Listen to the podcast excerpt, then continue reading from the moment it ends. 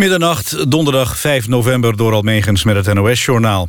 Een bron binnen de Amerikaanse inlichtingendiensten heeft tegen CNN gezegd... dat het Russische toestel dat zaterdag crashte in de Sinaï... waarschijnlijk een bom aan boord had. En tegen persbureau Reuters zeiden bronnen binnen de Amerikaanse en Europese veiligheidsdiensten hetzelfde. De Amerikanen hebben nog geen definitieve conclusie getrokken... maar zoeken de daders in kringen van Islamitische Staat of andere terreurorganisaties... Ook de Britse regering liet vandaag weten dat er rekening wordt gehouden met een bomaanslag. Bart van U, de man die wordt verdacht van de moord op Els Borst... heeft geprobeerd te ontsnappen uit de gevangenis in Scheveningen... en zit daar op de psychiatrische afdeling. Het ministerie van Veiligheid en Justitie bevestigt een bericht van het AD daarover. Tijdens het luchten wilde Van U naar het toilet, schrijft de krant. En onderweg daar naartoe klom hij over een hek naar het dak van de gevangenis. Daar is hij overmeesterd. Volgens het ministerie is hij niet buiten de zogenoemde beveiligingsring geweest. Het AD meldt dat Van U nu is overgeplaatst naar de gevangenis in Vught. De woordvoerder van het ministerie kon dat niet bevestigen. Het UMC Utrecht heeft twee incidenten waarbij patiënten zijn overleden... niet gemeld bij de Inspectie voor de Gezondheidszorg. Dat blijkt uit onderzoek van het televisieprogramma Zembla. De inspectie is een onderzoek begonnen. 2013 en begin dit jaar ging het mis tijdens een operatie door een KNO-arts. Beide keren werd per ongeluk een slagader geraakt. De anti-islambeweging Pegida en de beweging Utrecht Bekend Kleur... mogen komend weekend niet demonstreren in het centrum van Utrecht. Dat heeft burgemeester Van Zanen besloten. De betoging mag wel doorgaan in het Hogelandse Park. Op 11 oktober leidde een betoging van Pegida in het centrum van Utrecht tot veel onrust. De demonstratie was gericht tegen de komst van vluchtelingen. Het weer vannacht trekt een regenzone via het noorden weg... en wordt het op de meeste plaatsen droog, blijft bewolkt. Overdag opnieuw bewolking met soms wat regen. In het zuidoosten kans op wat zon. Dan wordt het 14 tot 17 graden. Morgenavond vanuit het westen opnieuw regen. Dit was het NOS Journaal. NPO Radio 1. VPRO. Nooit meer slapen.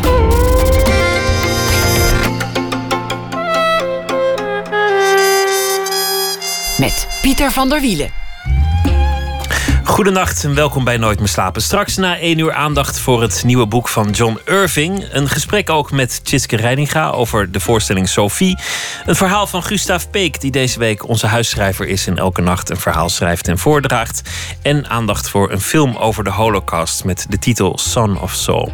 Maar we beginnen met Hans Croisset, want afgelopen oktober werd hij 80 jaar oud. Komend weekeinde wordt dat gevierd in Amsterdam in de stad Schouwburg. Een manifestatie ook ter ere van 62 jaar in het theatervak. Kester Freriks zal de jubilaris bevragen. En er zullen fragmenten getoond worden. Hans Croisset, geboren in 1935, is acteur, regisseur, artistiek leider is hij onder meer geweest van het Publiekstheater, het Nationaal Toneel.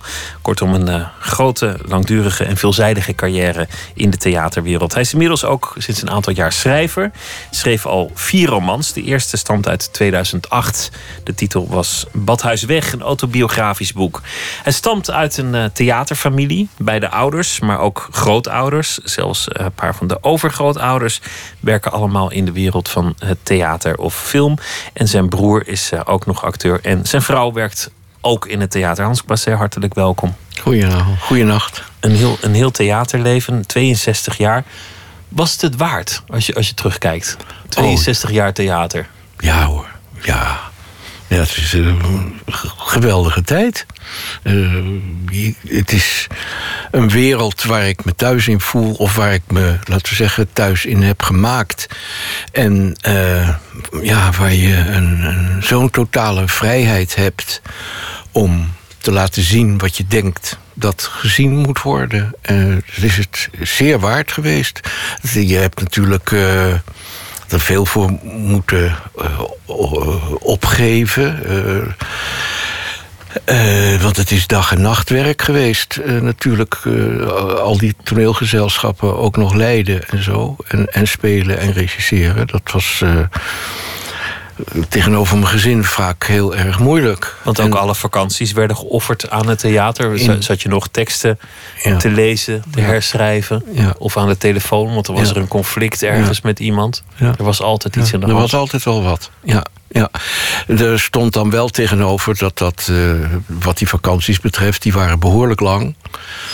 En eh, dat is een compensatie voor het eh, elke dag, eh, ook zondags en feestdagen werken. Dus behoorlijk lange vakanties. En ehm, ja, waar jij toch dan toch wel ja, hard werken met het voorbereiden van een stuk. Maar toch in prettige omstandigheden. Met je kinderen om je heen. En, Maar toch altijd ook het gevoel. Ik wil niemand in de put praten. Het was vast een mooie tijd. Het was vast goed. Maar altijd die druk. In je, in je boek schets je eigenlijk het beeld van iemand die obsessief is met dat toneel. Die, die alles moet wijken voor dat toneel. Je, je zegt soms, was ik eigenlijk wel zo'n goede echtgenoot? Nee. Was ik er wel altijd? Ja, nee, ja, dat heb ik nog net al proberen aan te geven. Dat, eh, ik heb er natuurlijk eh, ja, veel voor opgeofferd, dat is waar. Uh, dat, had ik, dat heb je op het moment zelf niet door. Uh, dat, dat, dat is dan de vrucht van dat je wat terug kan kijken. Maar ja, dat ik ervoer het zelf niet als obsessief. Ehm, op het moment zelf, als ik erop terugkijk, wel. Ehm, ja, je zegt uh, terecht mij niet in de put praten, maar uh, dat, dat ga ik mezelf dan natuurlijk wel. Want op, op een bepaald moment zijn andere dingen belangrijker. Alleen dat is voorbij, die tijd. En nu ik veel meer rust heb en uh, makkelijker over de dingen praat, omdat ik ook geen, geen verantwoordelijkheid meer heb, al heel lang niet, al bijna twintig jaar niet. Uh, nee, verkeerd uitgerekend. Uh, iets meer dan tien jaar niet. Ehm, ja. Nou, ik weet daar niet zo goed antwoord op. Het is, uh, het is lastig geweest. Dat, dat besef ik donders goed. Ik heb mijn kinderen het behoorlijk wat kort gedaan. Ik heb dat op mijn manier proberen in te halen. Uh, en nu is dat helemaal natuurlijk. Uh, zijn er geen belemmeringen meer en is het erg prettig. Kortom, je, je, zei ergens een egocentrisch leven misschien wel. Misschien dat ik andere dingen had moeten doen soms. Maar je zegt nu, het was het waard. Het was toch een mooie tijd. Het theater was het waard. Ja, ja. ja, ik denk dat als ik me niet op dat gebied had kunnen uitleven... dat ik dan ook niet zo'n... Uh, ja, dan zou ik. Uh, dat wil dan niet zeggen dat je daardoor meteen dan een goede vader zou zijn geweest. Ik denk dat iedereen die aan het toneel is, uh, zijn gezin tekort doet. Dat, uh, zelfs als je niet regisseert, zelfs als je niet in een leiding zit, het, het, het, het altijd oproepbaar zijn om s'avonds te werken en overdag te repeteren. Ja, dat, dat, daar moet je je aan uitleveren. Als je dat niet doet, ja, dan verdwijn je wel gauw bij het toneel. Want uh, die, die fascinatie moet zichtbaar blijven bij, uh, bij spelers. Die moet zichtbaar zijn voor het publiek. Dat er op de wereld niks anders bestaat dan dat theater. Er zijn dingen in het leven die je niet half kunt doen. Die nee. moet je gewoon helemaal doen ja. en anders niet. Of, en, of niet. Of niet. En nou ja, goede huisvaders zijn er ook al genoeg. Laten we blij zijn dat er nog mensen zijn die, die, die voor de kunst gaan. Waarom was het? Want volgens mij was het, was het niet het applaus. Het was volgens mij ook niet. Nou ja, het geld, dat kunnen we afschrijven. Dat, dat zal het ook niet geweest zijn. De roem of, of, of dat soort dingen. Nee. Waarom, waarom was het zo'n zo'n enorme drang om theater te maken? Waarom was dat zo belangrijk? Ja, waarom was dat zo belangrijk? Dat, het, het was voor mij een, de manier om het te uiten. In de tijd dat ik niet regisseerde, dus alleen nog toneelspeler was, was ik er, was ik er allemaal nog niet zo zeker van of ik dat moest doen. Het, het, succes kwam me nogal makkelijk aanwaaien. Omdat ik werd gebruikt als jonge jongen voor de jonge jongensrollen. En dat, ja, dat is dan één op één en dat werkte dan. Maar ik dacht, als ik dat mijn hele leven moet doen... dan zie ik me dat niet doen. En uh, vandaar daar ben ik van uitgegaan om uh, die neiging te krijgen om, om theater vorm te geven. En dat was al een, een, een rare gedachte in die tijd, omdat je geacht werd uh, ja, een jaar of veertig te zijn eer je zou mogen regisseren. En dan zou het ook nog, ja, uh, in ieder geval die droom had ik niet eens, omdat ik dacht, ja, dat bestaat toch niet. Maar ik wilde wel de dingen voor me zien. En ik ging eh, ja, eh, alles inhalen op wat lezen betreft. Om, om bij te blijven. Het hele wereldrepertoire heb ik in die jaren gelezen.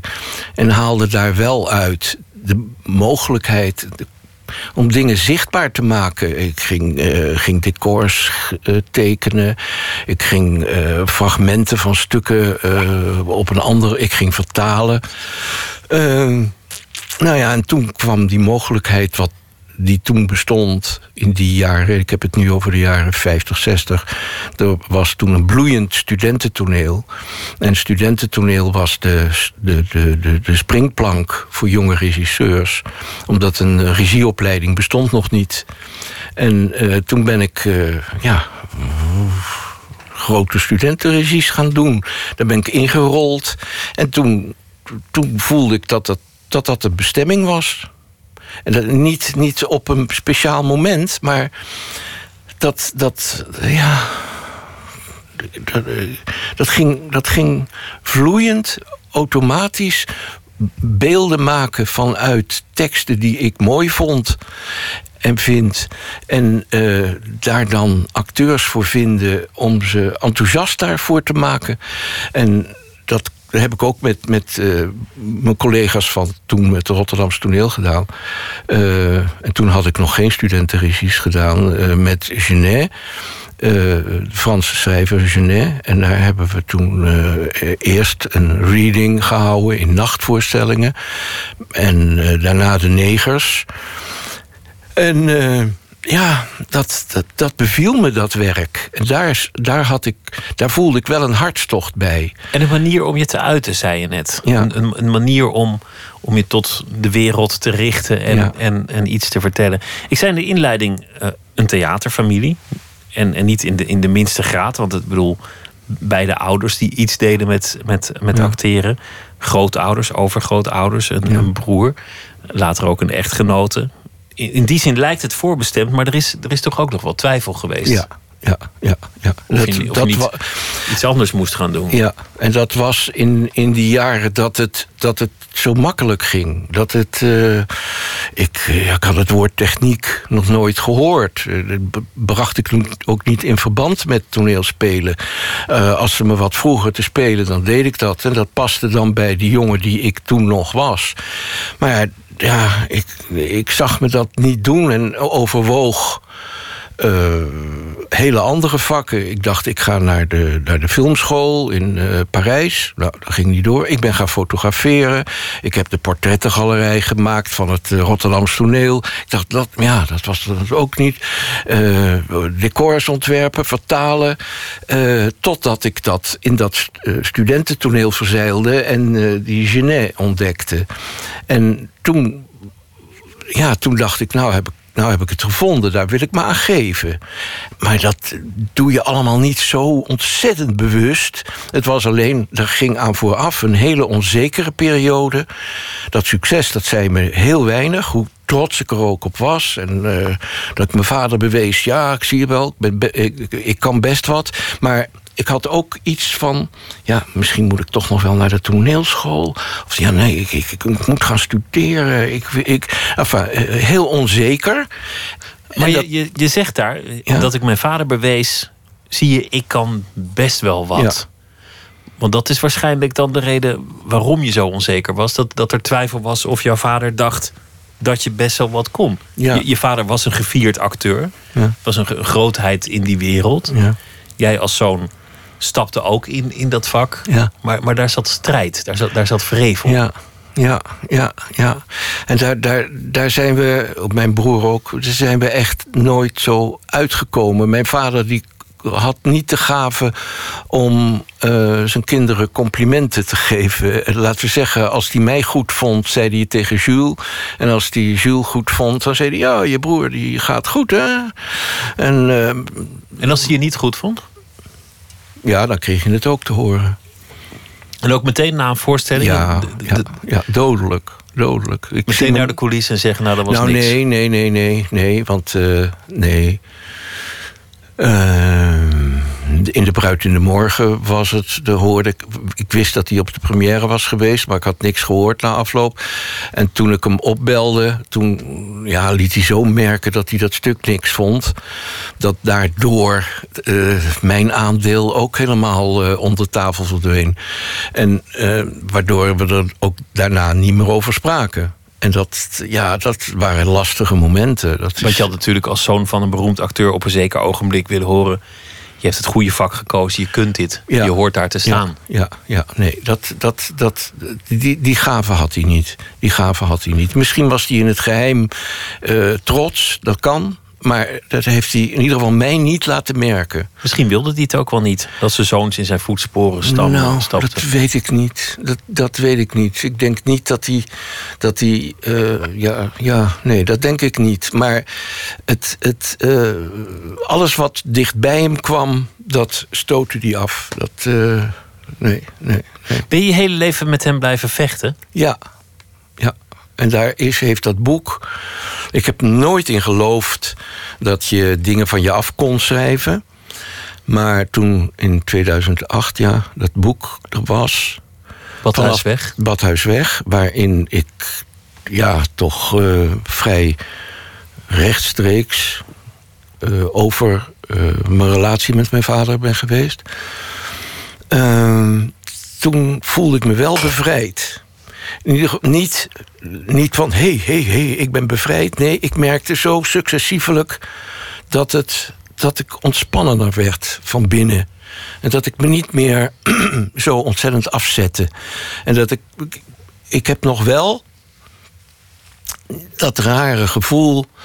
Uh, ja, dat ik het toch altijd wil dat hij dat die trots is op ja, nou ga ik zeggen op wat ik heb bereikt. En dat uh, kreeg ik heel slecht mijn mond uit. Omdat ik daar nou ook weer niet zo'n hoge pet op heb. Maar, van op heb. Maar ik zou het wel leuk vinden als hij daar... Hij heeft daar zijdelings wel eens een opmerking... iemand anders een opmerking over laten maken. Van, nou, we vinden het toch wel knap... dat je zo lang in die stad Schouwburg je weet uh, te handhaven. Ja, dat is aan de ene kant ook een dodelijke opmerking. Dat, is, van, dat hadden we niet gedacht. Dat zien we niet in je. Maar dat, dat bevrijdende compliment, dat is, dat nee, is nooit dat is gekomen. Nooit dat is nooit en dat gekomen. zal ook nooit meer komen, want Tuurlijk hij is, niet. hij is, dood. overleden. Hij is overleden al een hele tijd. Alleen, uh, hij is wel, uh, blijft een soort graadmeter op de een of andere manier. Misschien ook goed, want, want misschien dat mensen, of dat soms iemand ja. tot, tot betere prestaties komt als er een vijand is. Als er ja, iets ja. is om tegen te vechten. In tijden van oorlog dan veert de samenleving ook op. Worden ineens uitvindingen gedaan. Ja, ja. Nou, ik, ik, ik heb het heel langzamerhand heb ik het overgeschakeld. Ik, ik vind het leuk als... Uh, als mijn kinderen tevreden zijn over wat ik op dat toneel doe. Ik vind het uh, prettig als, uh, als mijn vrouw een beetje tevreden is. Want die is ook heel kritisch, maar altijd opsteunend. Altijd opbouwend. En, uh, maar daar doe je het dan wel voor. In de hoop dat je ja, iets, iets bijzonders doet. Uh, ik probeer steeds maar antwoord te geven op, het, op, op je beginvraag van, van, van wat, wat dreef je dan eigenlijk? Nou, ik, uh, ik ben wel tot de conclusie gekomen dat het verschijnsel theater. Ik bedoel dan nu uh, toneel in de grote zalen. Hè, het, dat verschijnsel, dat dat wel iets, iets, iets ja als een, een religieus heeft. Niet in de zin van God of wat ook, maar dat, je, uh, wel, dat, ik wel voel dat dat voor mij een, ja, een, een bestemming is zoals theater ook in zijn oorsprong bedoeld is.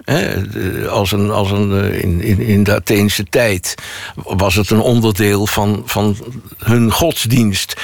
En had het dus ook een, in zijn, in zijn uitspraken, in zijn aussagen, had, had het iets te vertellen over een samenleving. En dat, geloof ik, heeft mij wel altijd uh, bezield. En dat is nu minder aan de hand. Da- daar, hebben, daar hebben we het straks ook nog wel over. Over, over de, de rol van het theater, hoe, hoe Ja. centraal dat staat. In de jaren 50 was dat natuurlijk heel anders. Ja. La- Laten we dat voor, voor straks bewaren. Ja. Ik ben toch gefascineerd door, door, door zo'n leven, wat dan eigenlijk voor een groot deel ook gaat over, over die, die vader en, en jezelf willen bewijzen.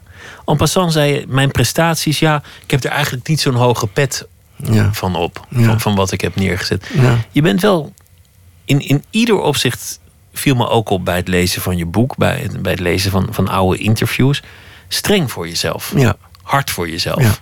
Ja. Ik Je, je spaart jezelf eh, geen moment. Niet Nee. in moreel opzicht, niet, Nee. niet je prestaties.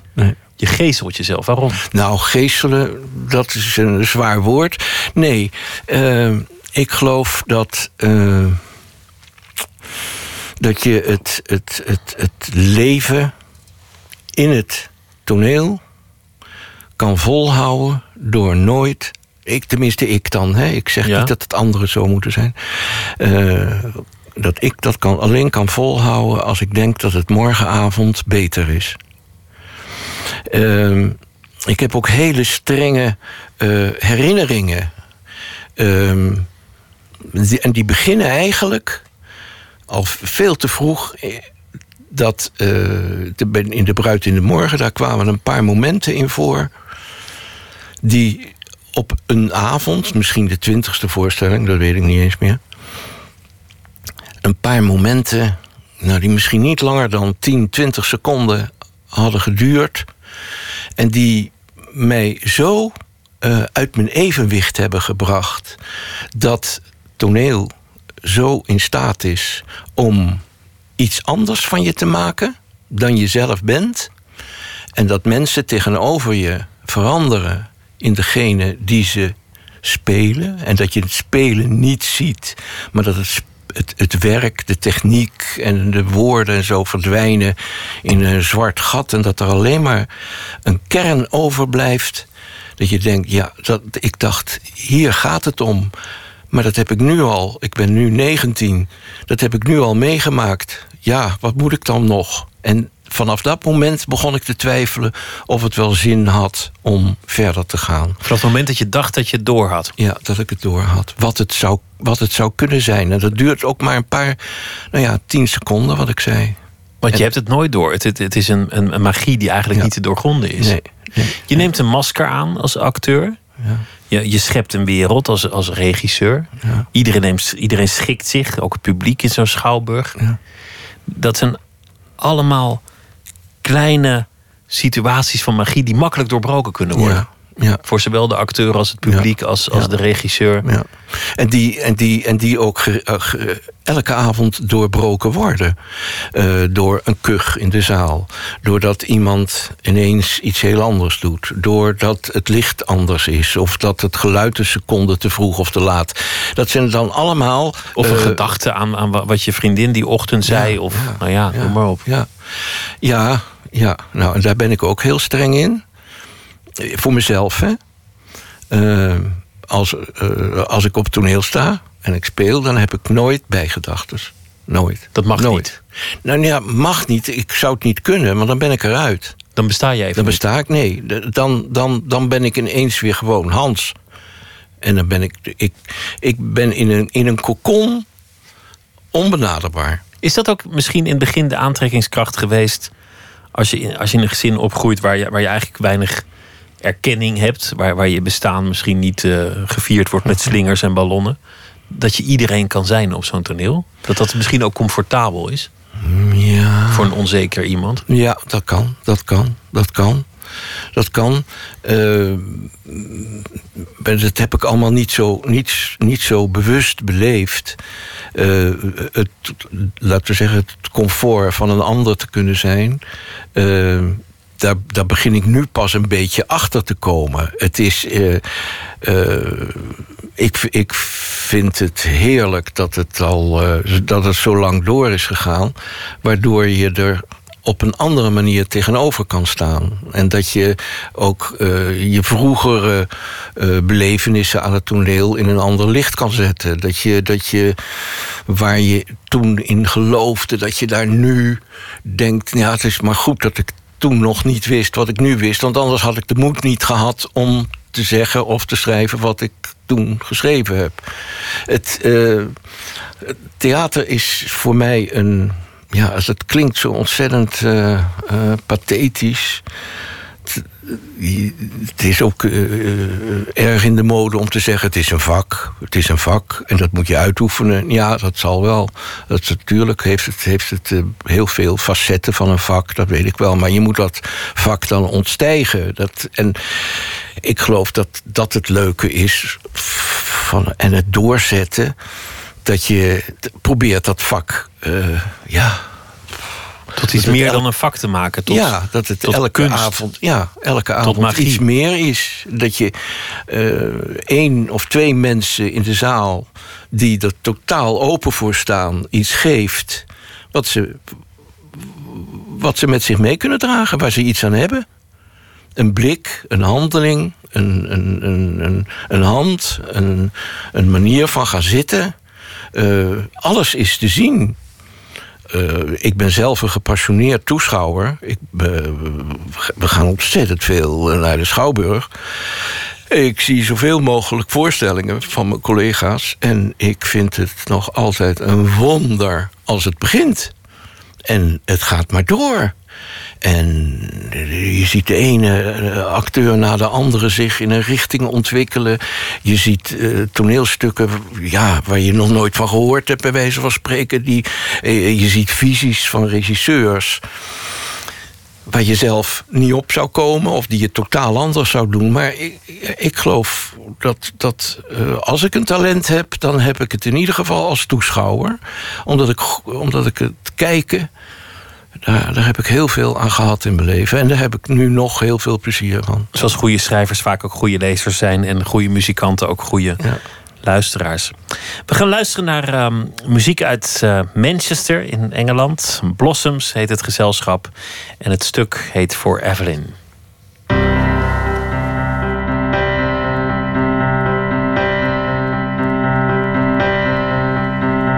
Black with spilled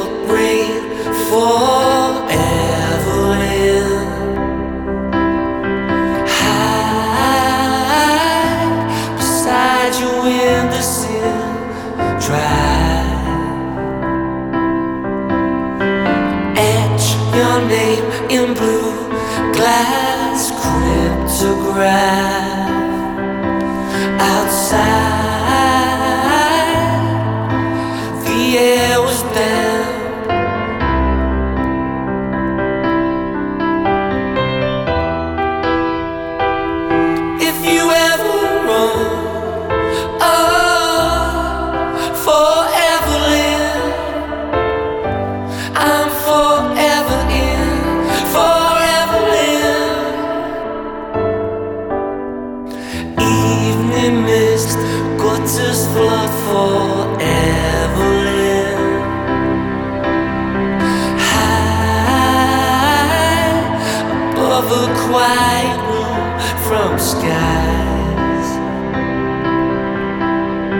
germinates thoughts of sea from retrograde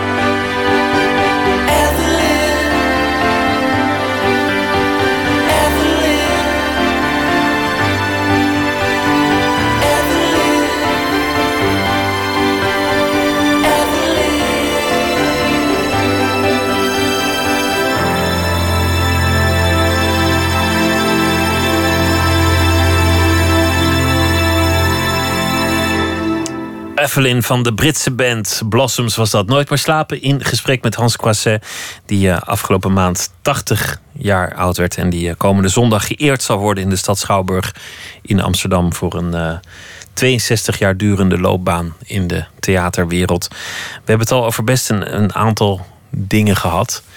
Um, toch even terug naar, naar de vader en, en de moeder. Het, het moment dat, dat je ouders uit elkaar gingen, voor die Mhm. tijd nog ongebruikelijk, dat, Ja. dat ouders scheiden, viel, viel samen met de Duitse inval in Ja. Nederland. Ja, Zo- Zo'n Ja. wonderlijk biografisch gegeven. Je, je, je vader slaat de deur achter zich dicht en even verderop stort er een, eh, een vliegtuig neer. ja, ja, ja.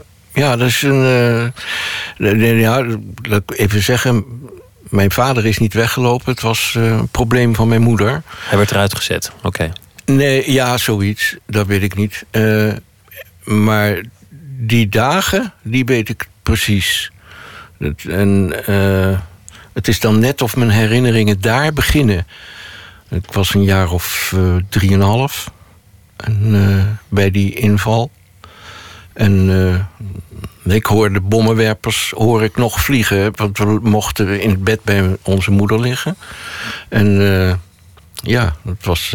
Je eerste herinneringen. Meteen een, een, een, een grootse historische gebeurtenis en een enorm gegeven in je leven. Ja. Ouders uit elkaar, Ja. Duitsers binnengevallen. Ja. Die oorlog blijft heel lang toch een, een rol spelen op de achtergrond. Ja, Dat, dat, dat heb je ook verteld in dat, in dat boek.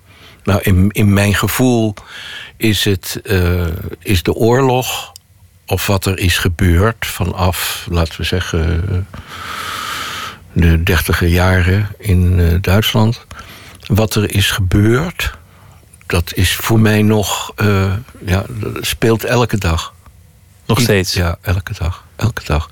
Niet, niet in de zin van dat ik daaronder lijd, maar ik heb in die tijd geleefd en er zijn dingen gebeurd die mij niet zijn overkomen. Terwijl ik wel leefde. Dat is iets waar ik, eh, ja, waar ik mee worstel. Dat de kinderen van mijn leeftijd in al die ellende hebben gezeten. En ik er eh, heel redelijk eh, vanaf ben gekomen. En dat, dat, dat, ja, dat heb, dat, heb ik elke dag. Ik heb een, een, een, een, fascinatie voor de Tweede Wereldoorlog, die, ja, die eigenlijk in, in drie van die vier boeken een grote rol speelt. Ik het lijkt me ook zo, zo merkwaardig om dan tien te zijn als die oorlog voorbij is. En dan is dat eigenlijk iets wat de volwassenen je niet willen vertellen. Want je gaat niet een kind van elf of twaalf precies uitleggen wat de gaskamers waren. Of, Nee. of wat, wat, wat Auschwitz was. Nee. Maar als kind, je, je brein werkt op volle sterkte. Heb je natuurlijk best wel door dat er, dat er iets niet klopt. Ja. En wil je dat wel uitvinden. Ja, nou ja, ik, ik- in de oorlog zelf eh, wisten we natuurlijk wel een heleboel. Want we werden eh, uit de buurt van mijn vader gehouden, want die werd gezocht als Jood. En wij waren in een hele andere gebied in het land verzeild geraakt. En eh, ik, ja. Ik eh, moest elke dag de krant naar boven brengen.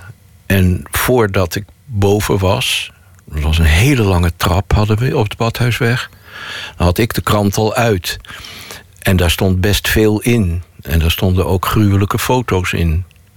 En eh, dus ik wist, het, wist vrij snel dat er iets vreselijks gebeurd was. Maar daar was je wel op de een of andere manier op voorbereid. Want ja, eh, we hebben ik heb midden in die slag om Arnhem gezeten. Dus eh, ik heb mijn portie meegekregen. En dat, dat, dat ja, op, ik, zeg nou niet.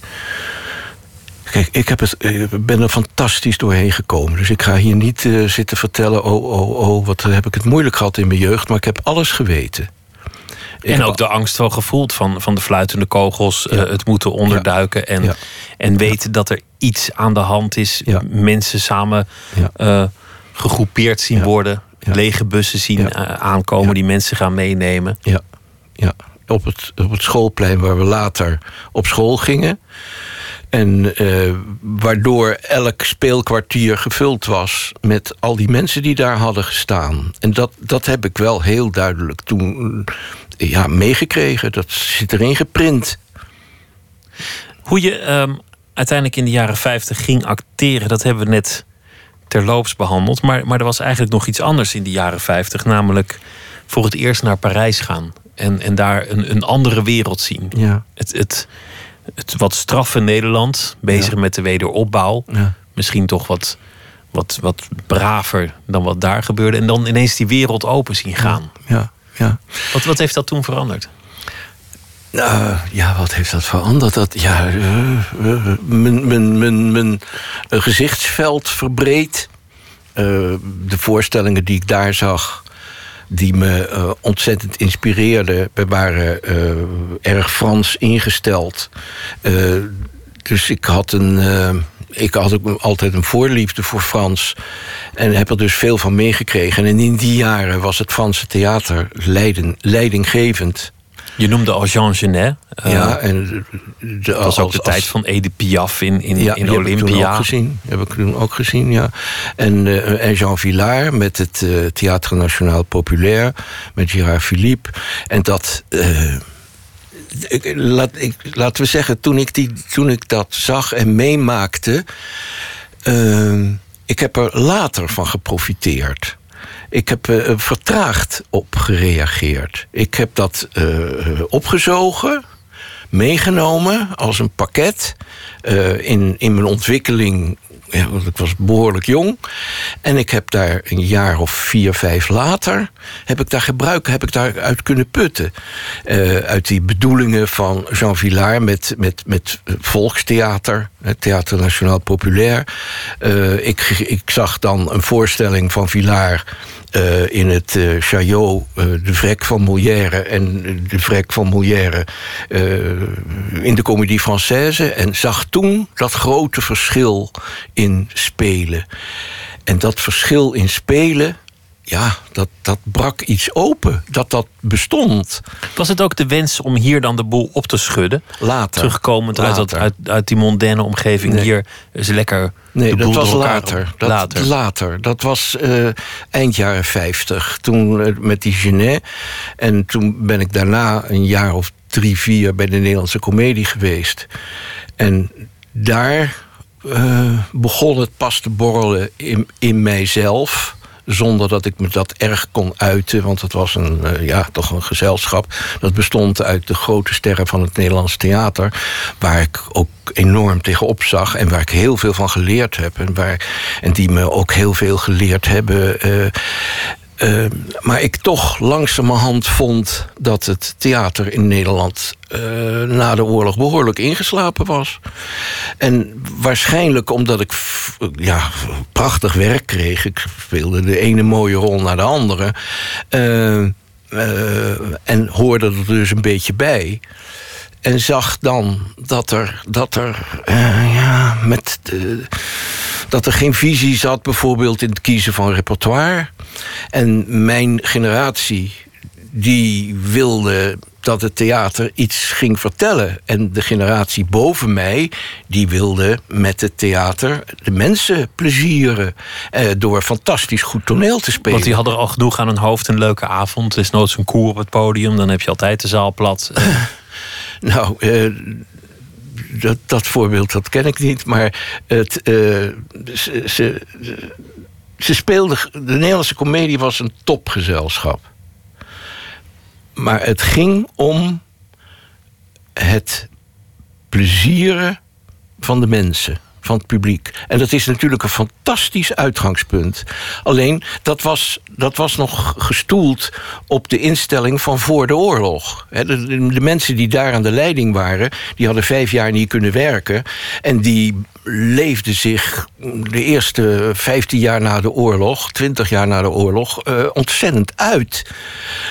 Maar er was een nieuwe generatie opgestaan, waar ik dan ook onder hoorde. En die eh, ja, iets anders verwachtte. En daar viel ik midden in die eh, ja, zestiger jaren. En, Maar dan, dan gebeurt er iets geks. En dat, dat, dat zie ik eigenlijk wel vaker in, in, eh, biografie of in, in mensen hun levensloop. Het ene moment ben je de aanstormende jonge rebel die de boel wil veranderen. Ja. En nog geen seconde later, God weet hoe het mogelijk is, ben je ineens zelf het gezag. En, Ja. en komt er een nieuwe generatie die, die jou ook wegveegt bij de Ja. oude die het anders moeten Ja. doen. Ineens waren daar de jaren zestig, actie tomaat, Ja. alles moest anders. Ja. Het publiek en, en, en de, de theatermakers, daar mocht geen scheidslijn meer tussen zitten. Het podium moest weg. Ja. Weg met al het repertoire. Ja. Ja.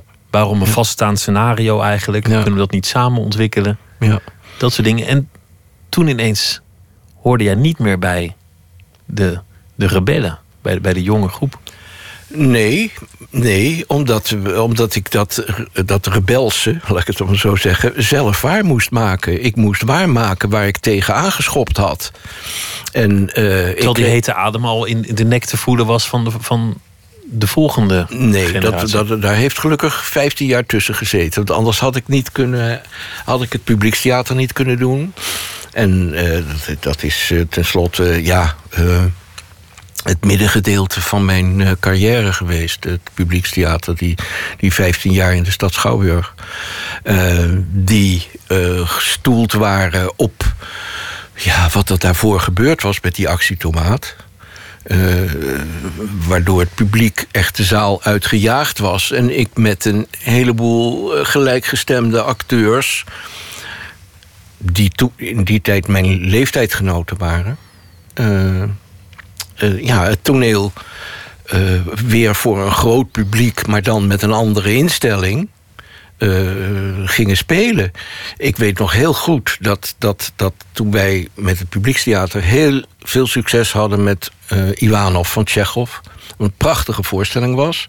veel succes had en heel vaak in Amsterdam ging... en altijd uitverkocht was... dat mijn voorganger, Guus Oster... die ook tien jaar daarvoor Ivanov had gedaan... en dat hij tegen mij zei... maar Hans, wat is nou het verschil tussen onze Ivanov van vroeger en die nu van jou?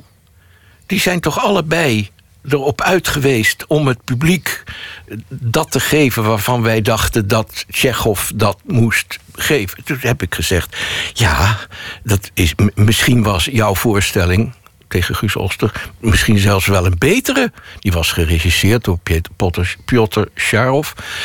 Alleen, ik geloof dat onze voorstelling... die staat met zijn voeten midden in de tijd. Midden in het nu. En die is niet bezig om een, een, een, een Het beeld te- museaal. Het is nee, het is nou niet ja, iets- ik wil ook niet zeggen dat die van de Nederlandse comedie museaal was. Alleen, dat was een, een, een, ja, een, een kunst om de kunst voorstelling. Maar en is wij dat- wilden iets zeggen. Is dat eigenlijk nu nog wel aan de hand in het theater? Ik maak even een grote stap naar het Ja. heden. Hoe- Hoeveel mooie voorstellingen er ook gemaakt worden. Hoe, hoe vol de zalen vaak ook zitten. Maar doet het toneel er eigenlijk nog wel zoveel toe? Als, als je het hebt over maatschappelijke relevantie. Ja. Het aanswengelen van het debat. Ja. Dat mensen het er nog eens over hebben in een Ja. andere omgeving. Ja. Eh, het is inderdaad een grote sprong. Ik wil hem graag met je meemaken. Maar eh, het toneel nu, waar ik een eh fervent voorstander van ben. Want ik vind eh, toneel op Amsterdam, het Rood Theater, Nationaal Theater, Oostpool... zijn geweldige gezelschappen die grensverleggend toneel maken. Ieder op hun eigen manier. En dat is ook zo goed voor een Nederlands publiek.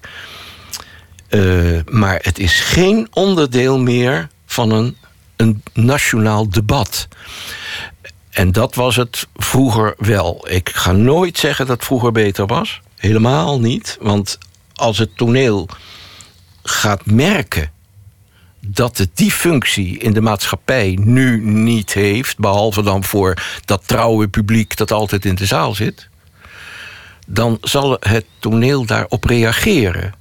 Een, een, een, een moeilijke eh, downperiode van het toneel kan ongelooflijk veel bijdragen aan de vernieuwing van het theater. Het theater in Nederland, eh, zoals ik het bekeek en nu bekijk, is in die, laten we dan zeggen, die 60 jaar dat ik toneel eh, zie, eh, eigenlijk elke tien jaar grondig veranderd. En dat kan in, in ons land ingrijpender zijn dan in de landen om ons heen. De landen om ons heen hebben heel veel eigen schrijvers, die wij niet hebben. Eh, die vaak eh, vastzitten in patronen, omdat die stukken meestal ook op scholen worden behandeld. Dat hebben wij allemaal niet. Eh, theater bestaat op school praktisch niet, behalve door een paar ja, fantastische leraren die, die er altijd zullen blijven. Maar daarom geloof ik dat het een, heilzame iets, een heilzaam iets is als toneel ondervindt dat het meer moet bijdragen in de samenleving. En daar heeft Ivo van Hoven heeft daar een, jaar of vijf geleden een geweldig referaat over afgestoken. En dan merk je meteen, en dat referaat dat, dat, dat ging daarover. En dan merk je meteen dat er een, een, een, een, ja, een power in, dat, in het toneel ontstaat. Nou ja, dat is dan nu weer een beetje weggeëpt. Maar een crisis is goed. Een, crisis is voor goed. het theater heel goed. Een andere verandering die, die misschien samenhing met, met jouw eigen loopbaan was het, het belang van de tekst. De vraag of je als regisseur tussen de, de, de schrijver Ja. en het publiek in moet staan of Ja. niet. Ja. Eigenlijk heb je, heb je daar een, altijd een relatief bescheiden opvatting gehad over jouw rol als, als regisseur. Ja. Gewoon doen wat er staat. Het staat er niet voor niets. Ja, maar eh, doen wat er staat, maar wel eh, zoals wij erover denken dat het er staat. En Want to dat- be or not to be is natuurlijk een zin, dat, dat staat er wel, maar daar kan je alles mee doen. Ja, maar je, moet er dan ook iets heel specifieks mee doen. Eh, totdat je tot de conclusie komt dat er gewoon staat zijn of niet zijn. En dat dat verder geen consequenties heeft dan alleen de tekst die daarna komt. Eh, nee, ik, eh, ik ben tekstgetrouw geweest, ja, altijd.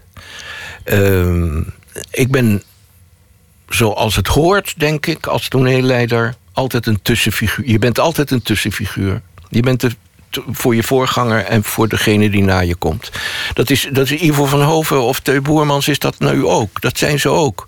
Ze staan op de schouders van wat er daarvoor was. En ze moeten zorgen dat ze het steeds eh, sterker eh, laten bloeien en groeien totdat ze weer wat anders gaan doen. En dan kan het niet anders dat daar jongere mensen met andere ideeën komen. En dat probeerde ik net te zeggen van in de landen om ons heen die veel meer vastzitten aan hun eigen literatuur, zijn wij eh, als Nederlanders staan wij veel vrijer tegenover die stukken, over, die, over het ijzeren repertoire, laten we het zo zeggen. We durven daar veel, in, veel verder in te gaan dan, ja, dan Frans of Engelse. En eh, dat, dat houdt het Nederlands toneel heel levend, maar met zijn inzinkingen.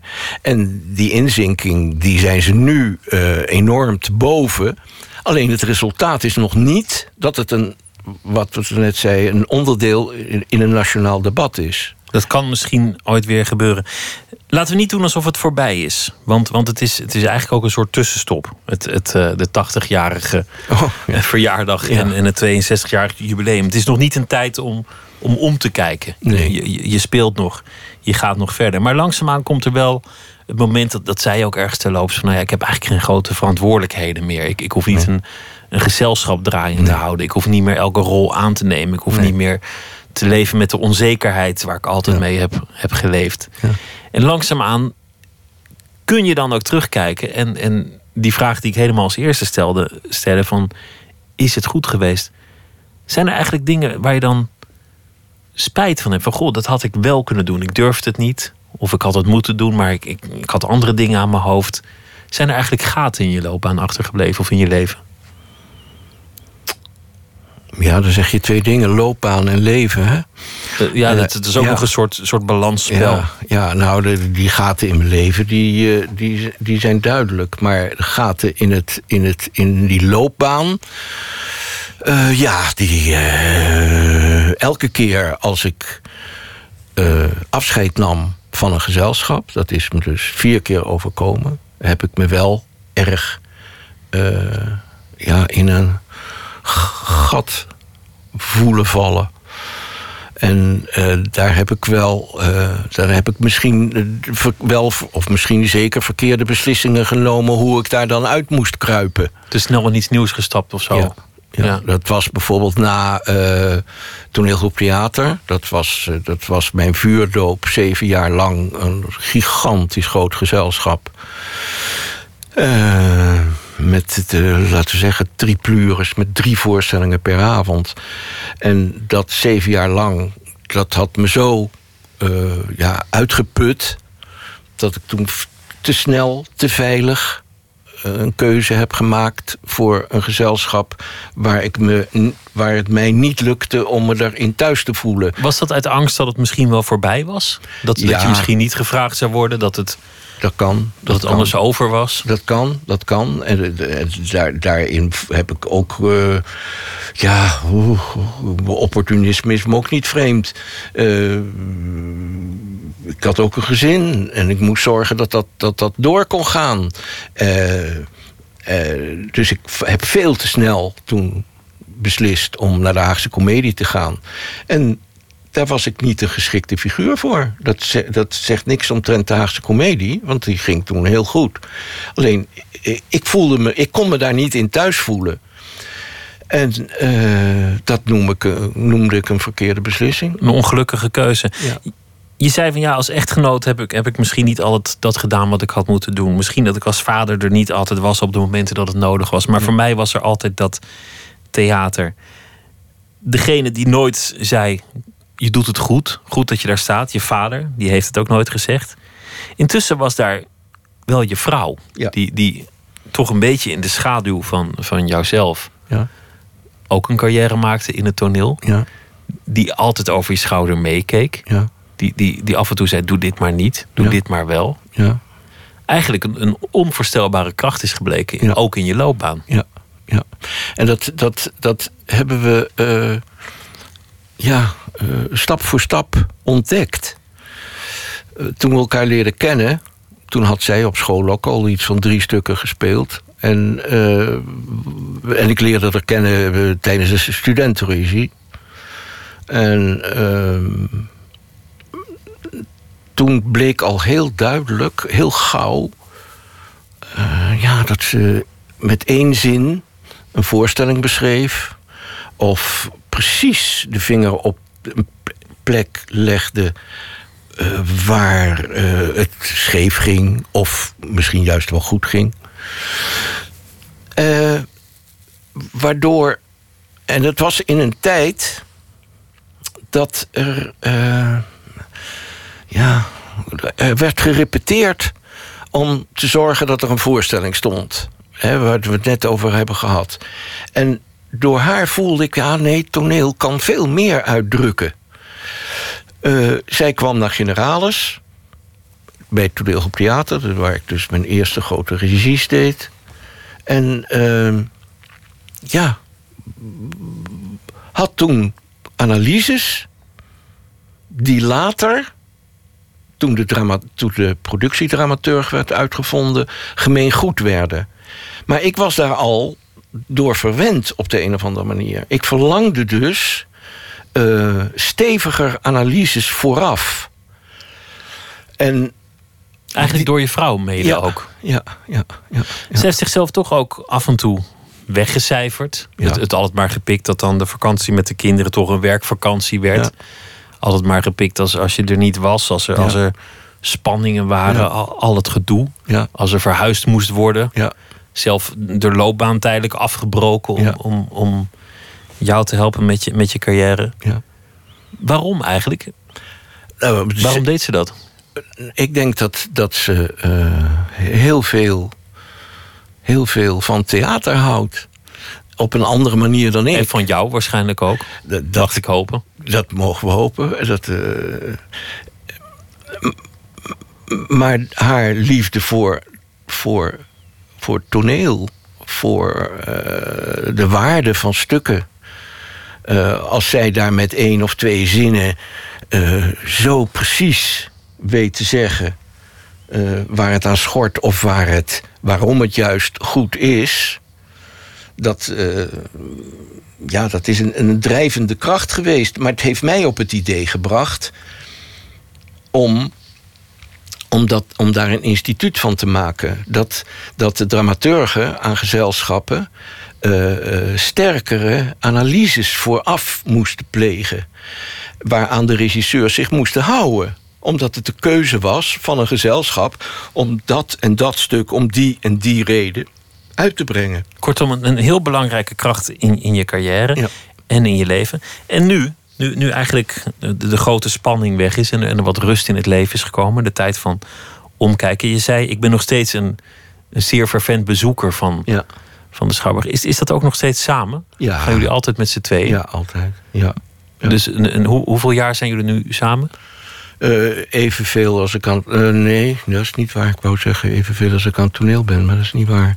Eh, tien jaar korter, dus 52 jaar. 52 Ja. jaar samen. En Ja. eigenlijk een, een, een leven dat voor een groot deel... Ik bedoel, vaak ging het natuurlijk ook over de kinderen... en Ja. Dagelijkse beslommeringen. Maar die gemeenschappelijke liefde voor het theater... dat, dat Ja. hield jullie misschien ook wel samen. Ja, dat, eh, ja ze, ze is zelf heeft ze, is ze artistiek, artistiek leidster van eh Theater van het Oosten geweest. eh, persona opgericht. eh, heeft geweldige voorstellingen gemaakt. En heeft nu net nog van Margaminko het bittere kruid op, op, op toneel gezet. En gespeeld met 4 mei. Nee, het, toneel is een, is een, is een huisgenoot. Een huisgenoot van, van jullie allebei. Ik zei het is een tussenstop. Het, Ja. het vieren van, van de tachtigste verjaardag. Wat wil, wat wil je verder nog doen? Want je hebt het schrijven opgepakt. Inmiddels eh, een aantal boeken geschreven. Ja. Is je ook goed afgegaan. Zijn goed ontvangen. Ja. Wa- Wat wil je nog doen met, met nou ja, die, Ja? die zegt tien jaar die er nog zijn, of Ja. vijftien? Ja. Nou ja, zolang ik, eh, zolang ik het kan. En eh, blijf ik spelen. Ik heb net bij Nationaal Toneel in de Drie Zusters... de herneming van de Drie Zusters gezeten. En heb daar, ja, daar voel ik me ontzettend gelukkig bij. Ik heb nu net een... Ik zit in een, speel nu in een film. Ik zit de televisie. we gewoon druk bezig. En ik ga volgend jaar... eh, een, een, een hele mooie rol spelen eh, in een Frans stuk over een dementerende vader. En eh, ik ben die dementerende vader bij mijn volle verstand. En het is echt een heel mooi, belangrijk stuk. eh, dat veel mensen aan het denken kan zetten over de verbeelding in het hoofd van iemand die langzamerhand de grip op het leven verliest. En eh, ja, dat, daar, daar verheug ik me op. En ik speel op het ogenblik in, eh, in een verfilming van De Held van Jessica Duurlacher. Doorlacher. Eh speel ook een erg mooie rol in. eh, ik ga bij Rudolf van den Berg in een film spelen. Ik nou, Kortom, ben bezig. Ben Heel bezig. veel, Ja. nog steeds volop bezig. Ja. En aanstaande zondag dus een interview door Ja. Kester Frederiks in de stad Schouwburg. En een, een, een gelegenheid om te vieren dat je 80 bent geworden en al zo lang in het vak Mhm. zit. En eh, hopelijk nog zult zitten. Hans Croisset, dank je wel. En eh, veel plezier ook zondag. Ja, vond, vond het erg leuk. Had het nog over eh Halbe Zijlstra willen hebben. Maar dat is er niet meer van gekomen. Ook was lekker om het er niet over te nee, hebben. precies. toch? Hij is het ook niet waard. Dank dat je wilde komen. Zometeen eh, gaan we verder met eh, Nooit meer slapen met heel veel andere onderwerpen. Twitter, het VPRO NMS of de mail nooit meer slapen met VPRO.nl. En indien u wilt kunt u zich ook abonneren op onze podcast. En al onze uitzendingen zijn ook online langs allerlei kanalen terug te luisteren. Voor wie nog wel eens wat anders te doen heeft. Tot zometeen.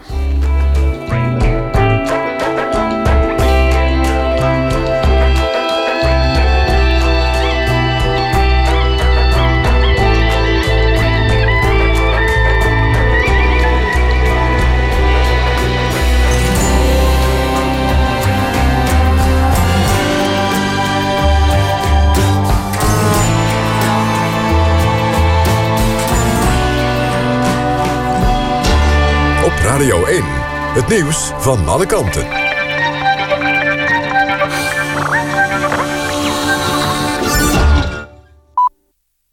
1 uur door Almegens met het NOS-journaal. Bronnen binnen Amerikaanse en Europese veiligheidsdiensten... zeggen dat het Russische toestel dat zaterdag neerstortte in de Sinaï-woestijn... waarschijnlijk een bom aan boord had. Definitieve conclusies zijn nog niet getrokken... maar de daders worden door de VS gezocht in kringen van islamitische staat. Ook de Britse regering liet weten dat er rekening wordt gehouden met een bomaanslag. De Britten doen een veiligheidsonderzoek op het vliegveld van Sharm el-Sheikh... Dat moet de komende dag zijn afgerond. Tot die tijd wordt er door de Britten niet gevlogen op de Egyptische luchthaven. Nederland wacht dat onderzoek af en besluit pas daarna... of er nog vluchten naar de Egyptische badplaats gaan. De eerste vlucht staat voor zondag gepland. Bart van U, de man die wordt verdacht van de moord op Els Post... heeft geprobeerd te ontsnappen uit de gevangenis in Scheveningen. en zit daar op de psychiatrische afdeling. Het ministerie van Veiligheid en Justitie bevestigt een bericht van het AD daarover. Tijdens het luchten wilde Van U naar het toilet, schrijft de krant. En onderweg daar naartoe klom hij over een hek naar het dak van de gevangenis. Daar is hij overmeesterd. Volgens het ministerie is hij niet buiten de zogenoemde beveiligingsring geweest. Het AD meldt dat Van U nu is overgeplaatst naar de gevangenis in Vught. De woordvoerder van het ministerie kon dat niet bevestigen. Van U wordt vervolgd voor de moord op Els Borst... en heeft de moord op zijn zus bekend. De VN waarschuwt voor het oplaaien van de burgeroorlog in Zuid-Soedan. Het leger en de rebellen vullen hun wapens en munitievoorraden aan... en schenden daarmee het vredesakkoord uit augustus. Ook wil president Kier in strijd met het akkoord nieuwe provincies stichten. Dat plan kan volgens de VN leiden tot een nieuwe golf van geweld. Bij de burgeroorlog in Zuid-Soedan kwamen meer dan 10.000 mensen om het leven. Het weer vannacht trekt een regenzone via het noorden weg... en wordt het op de meeste plaatsen droog. Het blijft bewolkt. Overdag opnieuw bewolking met soms wat regen. In het zuidoosten ook kans op wat zon. Dan wordt het 14 tot 17 graden. Morgenavond vanuit het westen opnieuw regen. Dit was het NOS Journaal. NPO Radio 1. VPRO. Nooit meer slapen.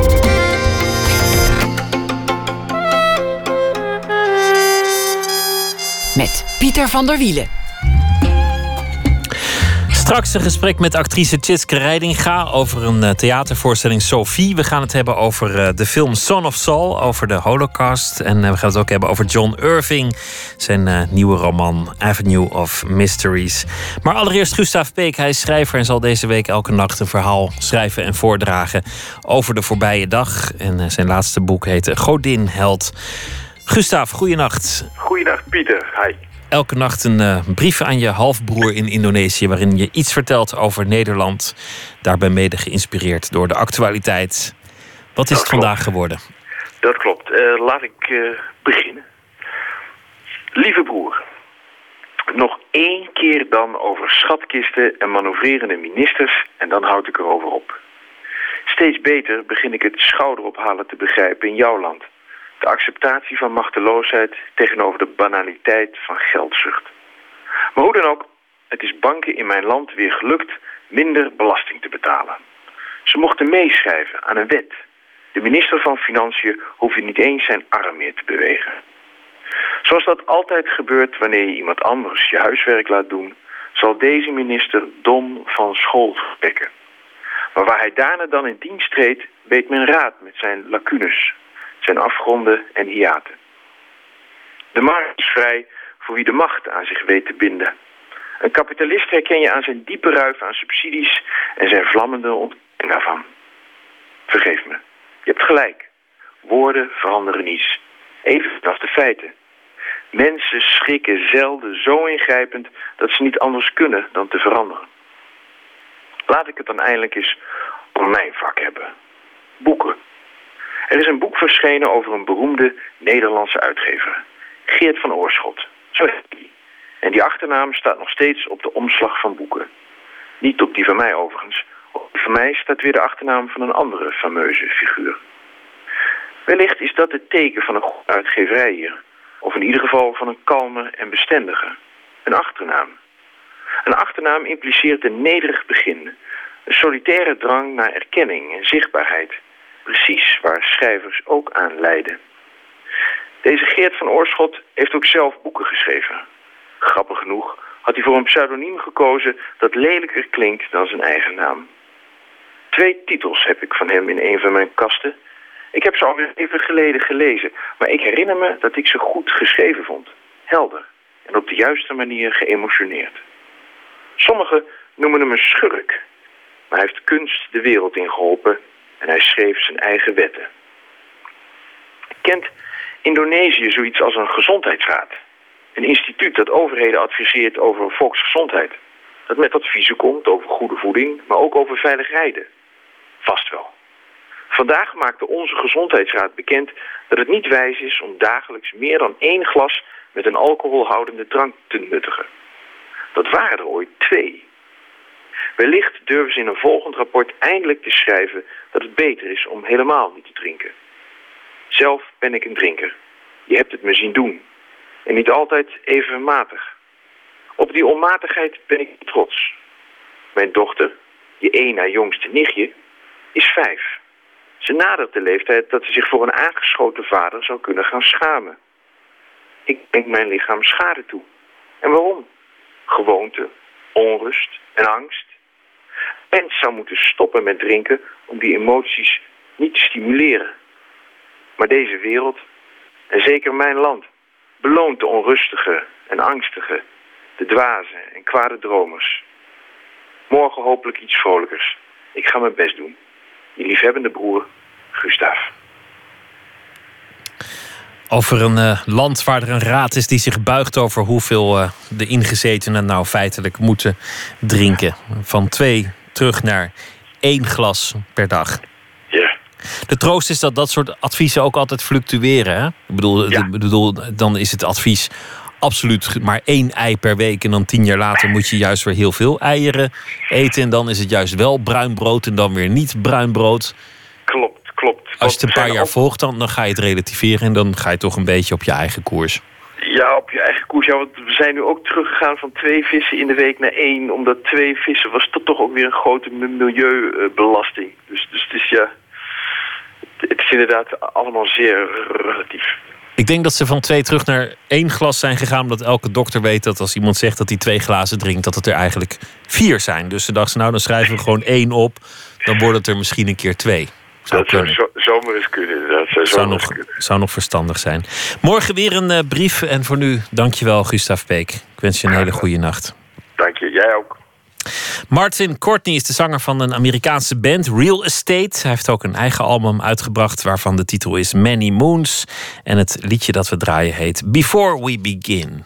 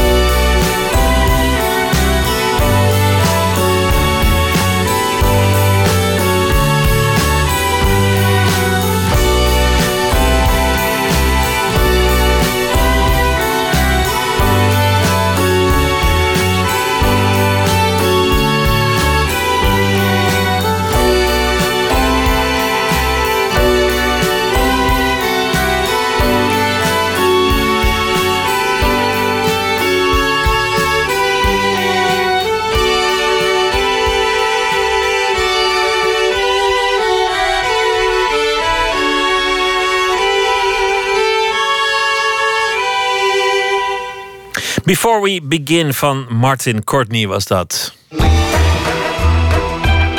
Nooit meer slapen. Het gewone leven van een vrouw van 8 tot 87 staat centraal in het theaterstuk Sophie. 15 november gaat het in première. Een uh, gewoon leven van een vrouw die buiten speelt, pubert, trouwt, kinderen krijgt, scheidt, mantelzorg, hertrouwt, uiteindelijk dan oud is. Nou ja, alles wat uh, op het levenspad komt. En al die rollen worden vervuld door uh, Tjitske Reidinga, de hoofdrolspeelster. Alle twaalf de rollen. Verslaggever Adinda Akkermans ging vast naar de try-out.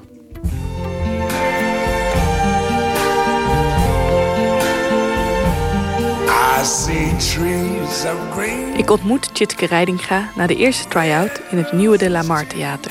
Het is zo'n beetje haar huiskamer geworden, want op verzoek van Joop van de Ende speelt ze hier aan de lopende band. Aan de muur van haar kleedkamer hangen foto's van familie en tekeningen van haar drie zoontjes. Ze zit voor de grote spiegel en neemt een slokje van haar bier. Hier lig ik heel vaak te slapen op deze bank, even tussendoor of te leren. Of, uh, dus ik ben wel gehecht aan dit, uh, dit kamertje inmiddels. Zit hier voor een spiegel. Als jij in de spiegel kijkt, ja. welke leeftijd zie je? Nou, dan zie ik toch echt wel uh, een vrouw in de veertig. Ja, helaas. Helaas. Een beetje mollig ook. Vind ik ook jammer, maar ja, het is niet anders. In het toneelstuk Sophie speelt Tjitske Reidinga 12 verschillende leeftijden. Van 8 tot 87 jaar.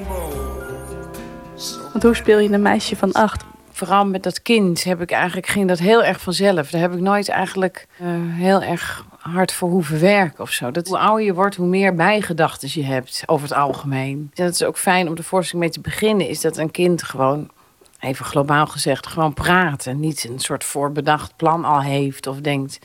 Dus je kan eigenlijk een soort van heel puur, uh, zonder je heel erg, zeg maar in die zin. Ik ben wel heel geconcentreerd hoor.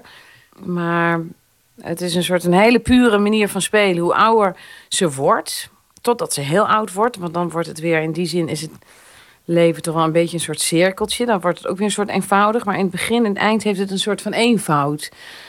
En hoe ouder ze wordt, hoe ingewikkelder, hoe meer bijgedachten, hoe meer belangen, hoe meer relaties, hoe meer problemen, verantwoordelijkheden en gedoe.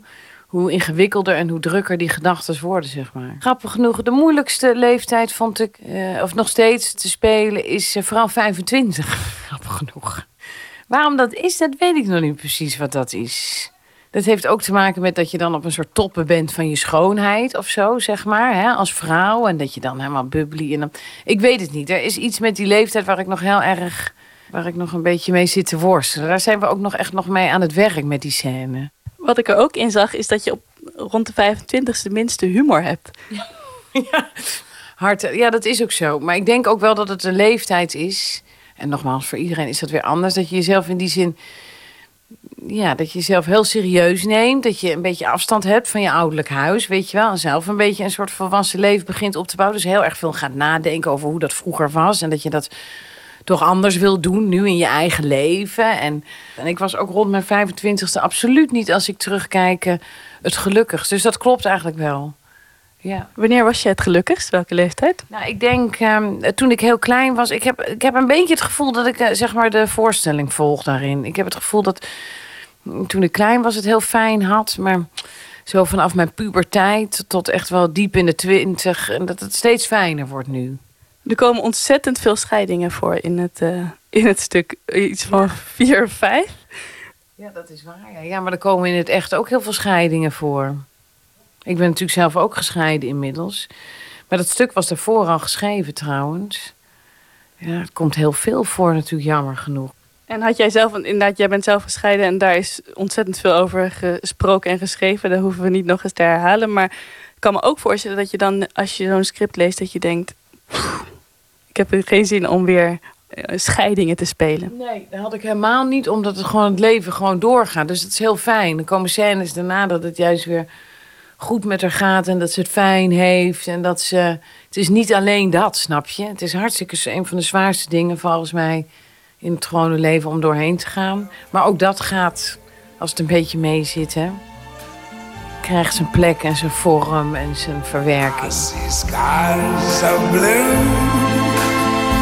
and clouds of white, the bright blessed day. Ik schilder eindelijk de dingen die ik altijd al heb willen schilderen. Omdat het me niets meer uitmaakt wat die of die ervan vindt. En ik kook alleen nog maar waar ik zin in heb. God weet hoeveel sperziebonen ik in mijn leven heb schoongemaakt.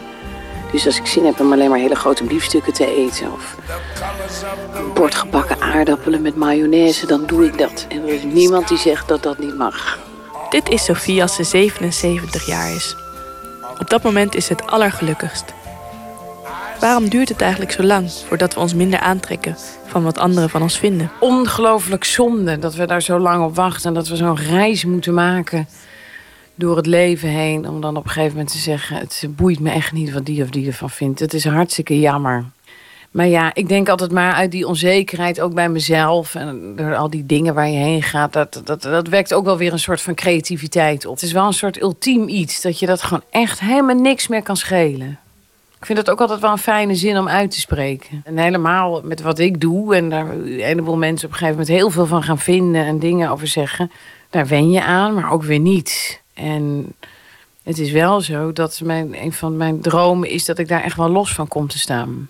Als jij eh, de rol speelt van een 17-jarige, komt jouw vader, die eh, het gezin gaat verlaten, die zegt: Als ik je nog één eh, advies mag geven, pak het leven bij de lurven, want anders glipt het als zand door je vingers.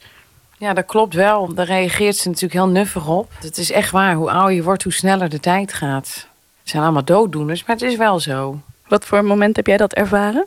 Nou, met de kinderen bijvoorbeeld die opgroeien, dat dat heel snel gaat. Dat is ook altijd een stukje wat mij zelf ook heel erg raakt aan het einde. Als ze zegt van, ik had nog zo graag met jou naar Parijs willen gaan. Maar ik heb het moment gemist. Dat begrijp ik heel erg goed. Want het gaat, kan opeens heel snel gaan met een kind. Echt heel snel. Dat maak ik echt zelf mee, weet je wel. Mijn kinderen die ook een beetje zo in de puberteit komen... en opeens een heel eigen leven beginnen. En opeens is het gewoon... Het is echt zo. Je zit echt met z'n koekjes te bakken... en uh, een week later zit ja, wie ben jij? En kan je lekker, weet je wel... Heeft het toneelstuk jou daar ook nog uh, tot actie uh, gemaand daarin? Ik was wel heel blij met dat Parijsverhaal. Omdat ik iedere keer moest ik zelf heel hard huilen bij het Parijsverhaal. Totdat ik besefte dat ik ieder jaar ga ik altijd alleen met de jongens op reis. Dus ik, uh, en dat zal ik er proberen zo lang mogelijk in te houden. Nee, het is meer gewoon dat die, die, die, die sprong naar de volwassenheid die je zo kent. Weet je wel, dat ze zich los gaan maken. En dat, dat het ook heel goed is, dat hoort zo. Maar uh, ja, dat is een van de, ja, van de enorm veel dingen die ik herken in dit stuk.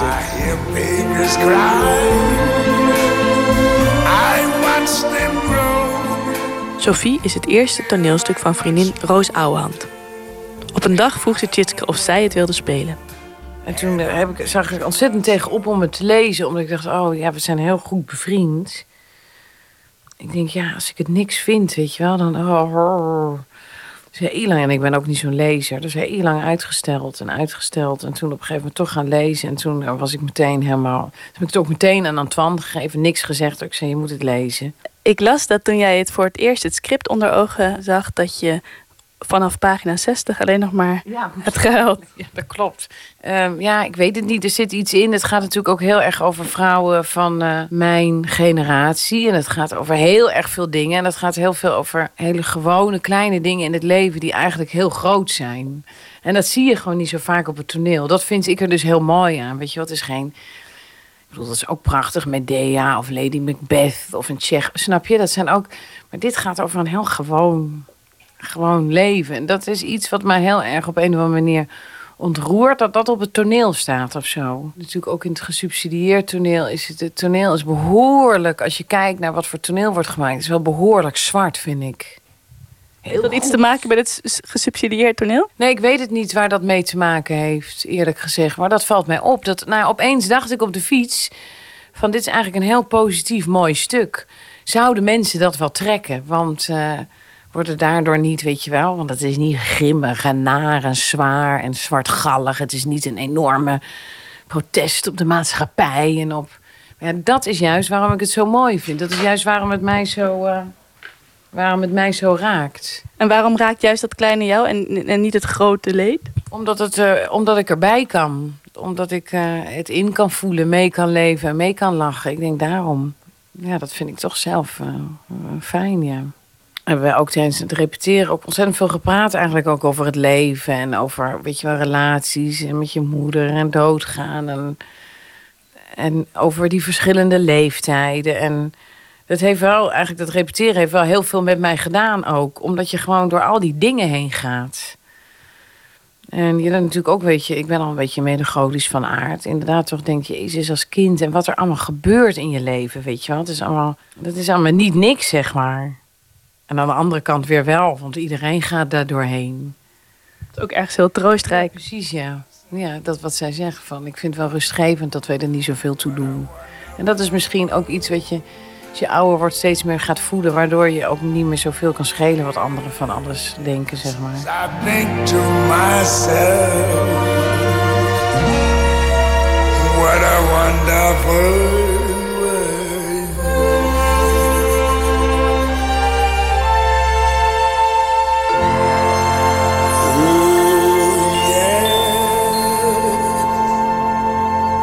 Adinda Akkermans in gesprek met uh, Tjitske Reininga, de actrice in het nieuwe toneelstuk Sophie. 15 november is de première in het nieuwe De La Mar Theater in Amsterdam.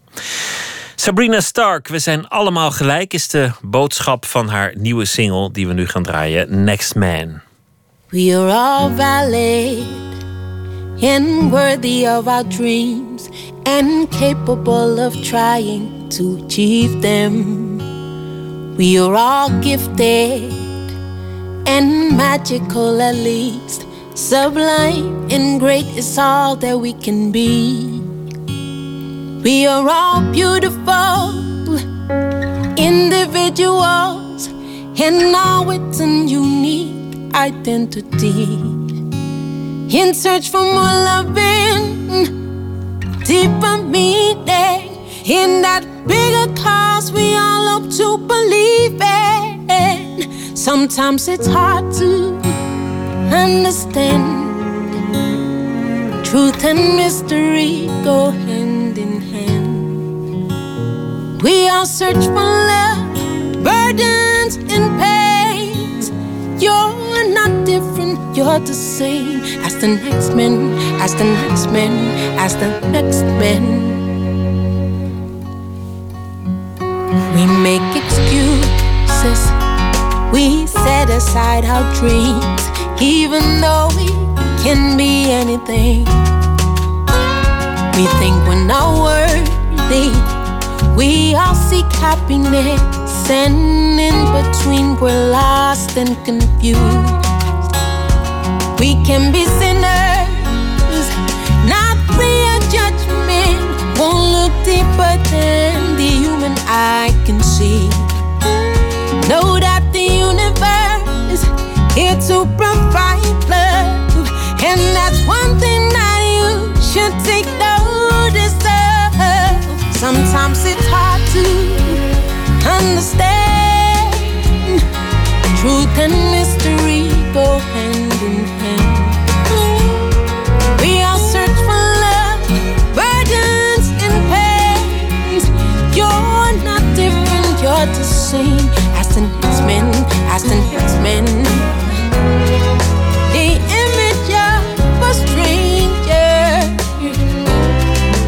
Much closer like a neighbor. So you see that comparison is real. Look for your marbles, your treasures,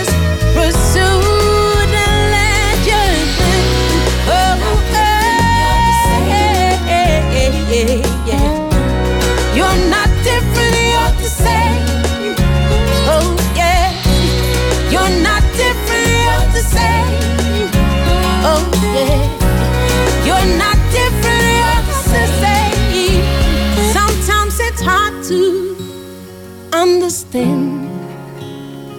Truth and mystery go hand in hand. We all search for love, burdens and pains. You're not different, you're the same as the next man, as the next man, as the next man. Sabrina Starks klinkt dat eh, ingetogener op het eh, laatste album. Zoals bijvoorbeeld in dit eh, liedje Next Man. Nooit meer slapen.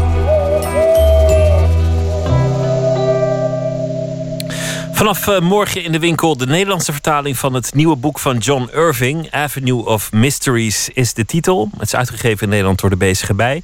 Anton de Goede is onze nachtcorrespondent deze nacht. Anton, hoe luidt de Nederlandse titel en heb je het boek al gelezen? Ik heb het boek nog niet gelezen. En uh, de Nederlandse titel eh, zal niemand verbazen. Heet Avenue van de Mysteriën. Beschrijft Juan Diego's avonturen in de Filipijnen. Een oudere man die terugkijkt op uh, zijn avonturen in Mexico. En ehm, ja, verwacht van mij geen recensie, want ik heb het inderdaad nog niet kunnen lezen. Dat zou tovenarij zijn. Uh, luisteraars hoeven dan ook niet te bang, te bang te zijn voor spoilers, want die kunnen we niet geven. Maar ik wil er toch bij stilstaan, want John Irving, de grote Amerikaanse schrijver, die, uh, die verdient dat wel. Hij komt trouwens in januari naar het John Adams Instituut in Amsterdam om dit boek ook weer te promoten de man die we kennen van The World According to Carp, maar ook van andere grote boeken zoals Hotel New Hampshire, uh, geboren in 1942. Um, ehm, ja, met heel veel fans. Ik heb één fan gesproken vanmiddag schrijfster Eva Postuma de Boer. En ik vroeg haar wat haar nou zo aantrekt in het werk van John Irving. Mijn liefde voor, voor John Irving begon met het boek Garp. Toen was ik tiener. Toen heb ik daarna ook de film gezien met uh, Robin Williams. Waar, waardoor ik ook fan van Robin Williams werd overigens. En um, één ding daarin, dat weet ik gewoon nog zo goed... dat hij... Uh, Garp was schrijver en die schreef in het boek een verhaal dat hij als schrijver schreef. En dat was het verhaal Hotel Grill Parcher. En dat was een verhaal in een verhaal... En later is dat verhaal ook in, wel, in, in verhalenbundels van uh, Irving opgenomen. En dat ging over een, een, een, uh, een man en zijn beroep was het beoordelen van hotels. En dan ging hij met zijn familie, dus met, met, met een oma en kinderen, ging hij het land door om um, uh, hotels te beoordelen. En dan komen ze op een gegeven moment ze dus in dat hotel Grillpalter. En daar, dat is, in elke kamer woont, woont een soort circusartiest. En dat is zo bizar. En zo grappig, maar het is ook tragisch. Uh, en misschien is dat het nog wel. Dat de humor van Irving komt juist zo goed aan... omdat het ook tragisch is. En daar hou ik van. Al dus Eva Postuma de Boer. Ja, het behoeft eigenlijk niet zoveel introductie. Het is een, uh, een beroemde en bijzondere schrijver, John Irving. Een nieuw boek, uh, kortom, Anton. Wat, wat ja. kun je er wel al over vertellen? Ja, een nieuw boek. Hoofdpersoon Juan Diego, een oudere man die op latere leeftijd gaat naar de Filipijnen. En daarbij wordt hij uh, vergezeld door zijn dromen en herinneringen. En denkt hij terug aan zijn bewogen jeugd in Mexico. Um, Avenue van de Mysterie heet het. Op NPR is een interview met Irving te vinden. Naar aanleiding van dit boek, waarin hij onder meer vertelt hoe hij op het idee van het verhaal kwam. En dat was namelijk in India, terwijl een vriendin van hem, Mary Ellen geheten, foto's maakte van arme kinderen in een circus. Luister naar John Irving.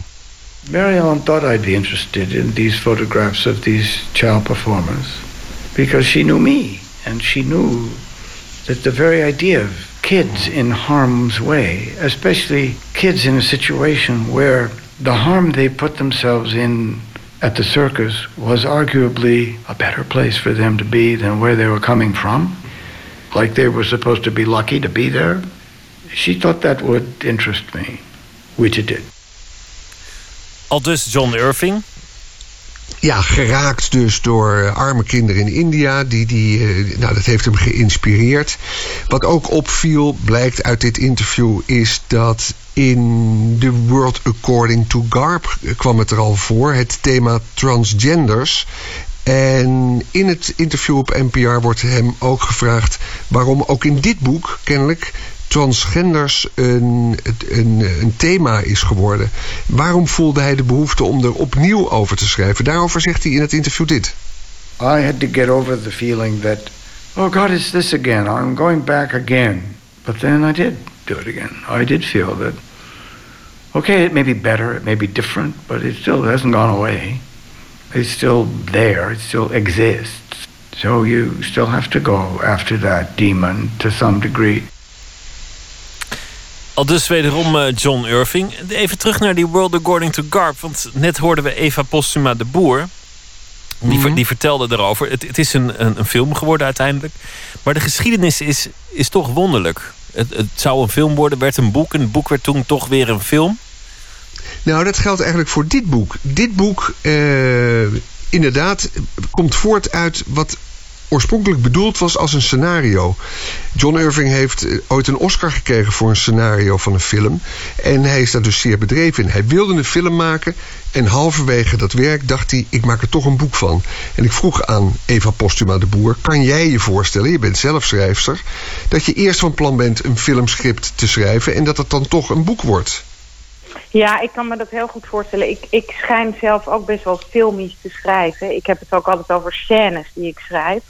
En dan zeggen mensen, vragen ook van wil je niet een film schrijven? Maar dat, denk ik, dat is een heel ander métier. En het spel met de taal kan je in een roman, daar kan je veel meer mee dan in een filmscenario. Dus ik denk, John Irving is een taalmens. Dus ik denk, nou ja goed, ik, ik weet niet wat zijn reden is geweest, maar ik kan me voorstellen dat hij toch, dat de liefde voor de taal dan, dan wint. In zo'n filmscenario, dat komt dan wel. Misschien dat zelfs iemand anders dat dan verder maakt. Of misschien dat hij het toch nog zelf gaat doen. Maar ik denk dat het echt over de taal gaat. Ja, nou ja, dat is natuurlijk eigenlijk, eh, eigenlijk vanzelfsprekend. En als je John Irving leest, dan weet je hoeveel plezier die in die taal heeft. Hè. Tot slot nog een interessante uitspraak van Irving uit dat NPR-interview. Zoals altijd zal er weer gezocht worden, ook bij dit boek... Uh, naar het antwoord op de vraag: wat is er nou autobiografisch wat hij schrijft? Uh, als we nog terugdenken aan de wereld volgens Garp, daar heb je die hoofdpersoon Garp. Dat is een dodelijk gewonde vliegenier uit WO2 die uit uh, het, het leven van de zoon verdwenen is. De zoon die geboren werd na, uh, na de scheiding van de moeder. Nou, dat is heel erg autobiografisch. Nu zegt Irving doodleuk het volgende. Hij schrijft zeker niet autobiografisch. Hij beschrijft eigenlijk vooral die situaties waarvan hij bang is dat die hem zullen overkomen. Luister. I've always written about what I fear. Maybe the most autobiographical element in my novels is that they're not at all about what happened to me. They're much more about what I'm afraid of, much more about what I hope never happens to me or to anyone I love. Een mooie uitspraak. Het gaat niet over wat ik heb meegemaakt, maar over datgene waar ik bang voor ben. Dat ik bang ben dat ik het ooit zal meemaken. Het uh, boek ligt morgen in de winkel in de Nederlandse vertaling. Avenue of Mysteries van uh, John Irving. Anton, dankjewel. Dit was ook ja. uh, voor, het is een beetje een afscheid. We gaan niet heel triest doen. Maar voorlopig jouw laatste nachtcorrespondentschap in dit programma. Jij gaat andere avonturen beleven en andere dingen doen. Ik ga andere dingen doen. Ik blijf bij de radio. Maar ik ga werken voor Woord.nl. Woord.nl daar moet iedereen een keer naartoe gaan. Website. En daar kan je uh, van allerlei gesproken woord van de Nederlandse publieke omroep, interviews, verhalen, documentaires terugvinden. Die, uh, die eerder zijn, uh, en zijn uitgezonden, maar het bewaren waard zijn. Woord.nl. Prachtig radioarchief. Daar ga ik mijn energie in stoppen. Anton. Maar ik ga jullie ook missen. En, maar we gingen in hetzelfde bedrijf, we zien elkaar nog wel. Dat komt wel goed. Anton, namens de hele redactie, namens mij, namens uh, iedereen hier in, de, in uh, de studio nog aanwezig op dit uh, onganse uur. Dank je wel voor al je inzet en voor, voor je mooie verhalen en voor je sympathieke aanwezigheid altijd. En tot okay, snel. Lieve woorden, Pieter. Het gaat je goed. Tot snel. Dankjewel, Anton de Goede. Deze week in uh, Amsterdam in de Heineken Bierhal een uh, concertreeks van de Britse band The Editors. Het nieuwe album heet In Dreams en dit nummer heet No Harm.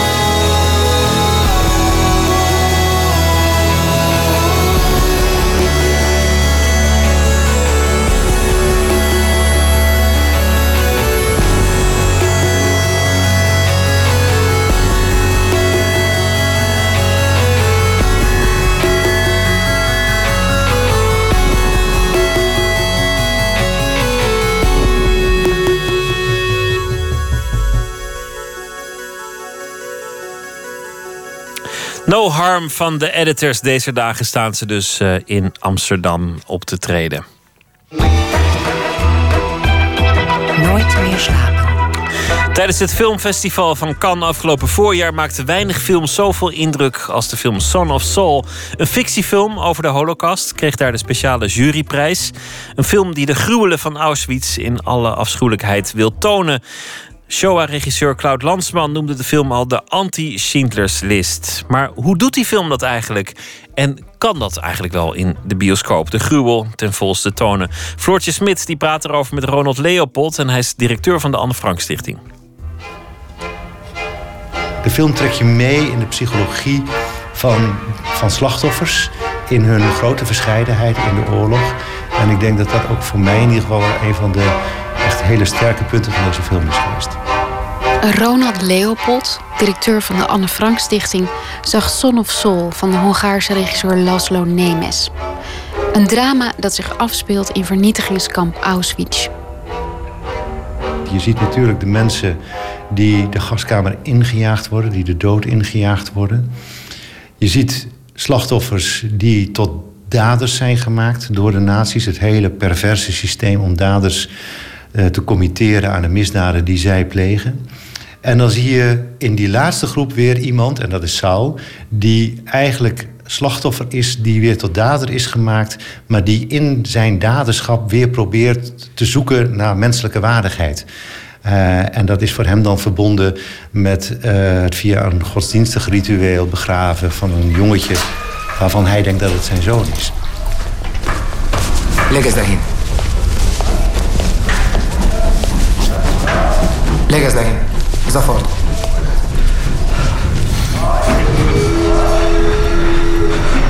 Doktor, kérem.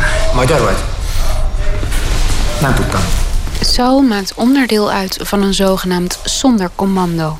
Een groep gevangenen die anderen naar de gaskamer moeten leiden. Saul doet het op routine. Totdat hij een jongen ziet waarin hij zijn zoon herkent. Dan gaat hij op zoek naar een rabbi om hem te helpen de jongen een waardige begrafenis te geven. De hele film lang blijft de camera bij Saul. Het is alsof je als kijker voortdurend met hem op sleeptouw bent.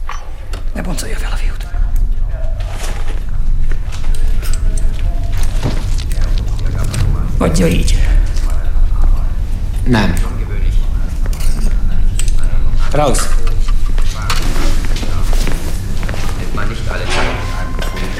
Kijk, voor iedere film of, of, of andere bewerking van de oorlog is het belangrijk dat je gelegenheid krijgt om je te identificeren met de mensen die in beeld worden gebracht. En het moeilijkste is waarschijnlijk je te identificeren met daders.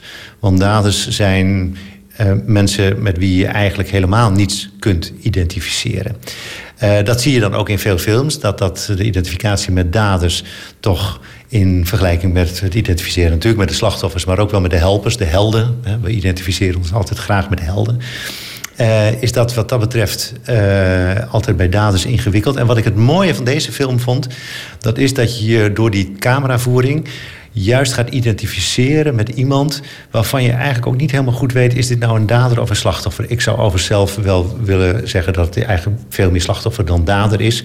Maar hij helpt natuurlijk wel gewoon praktisch mee aan de vernietiging van hele grote groepen mensen die daar aankomen in Auschwitz en vervolgens in die gaskamer vermoord worden. Uh, dus er zit wel een daderelement in zijn handelen. Uh, en deze cameravoering geeft je dus de gelegenheid om je te identificeren met die hele moeilijke, moreel hele ingewikkelde rol van iemand die gedwongen wordt om toch een soort daadrol te spelen, terwijl hij natuurlijk eigenlijk in feite slachtoffer is. En van daaruit probeert toch zijn menselijkheid weer te herwinnen. En dat is denk ik ook de kracht van de film. En dankzij deze cameravoering.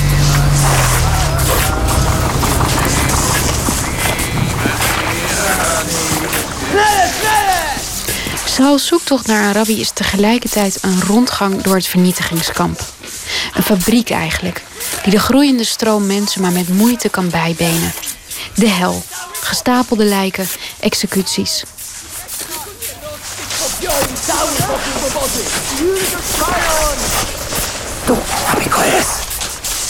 Ehm, ik vind het een belangrijke film omdat het een nieuw element toevoegt aan datgene wat we al in het verleden gezien hebben aan Holocaustfilms. Dat heeft de regisseur ook gezegd. Dat is ook zijn bedoeling geweest. Hij had moeite met, zoals hij het zei, de wat meer Hollywood-achtige benadering van de Holocaust.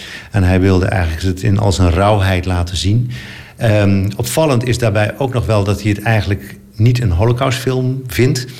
Eh, hij heeft gezegd van, ja, dat, dat, dat vind ik meer die, die Hollywood-categorie. En mij, hem, de regisseur, ging het erom uh, in beeld te brengen... iemand die menselijk probeert te overleven in een situatie... waarin eigenlijk geen overleven mogelijk is. Dus in dat opzicht vind ik het ook wel een parallel...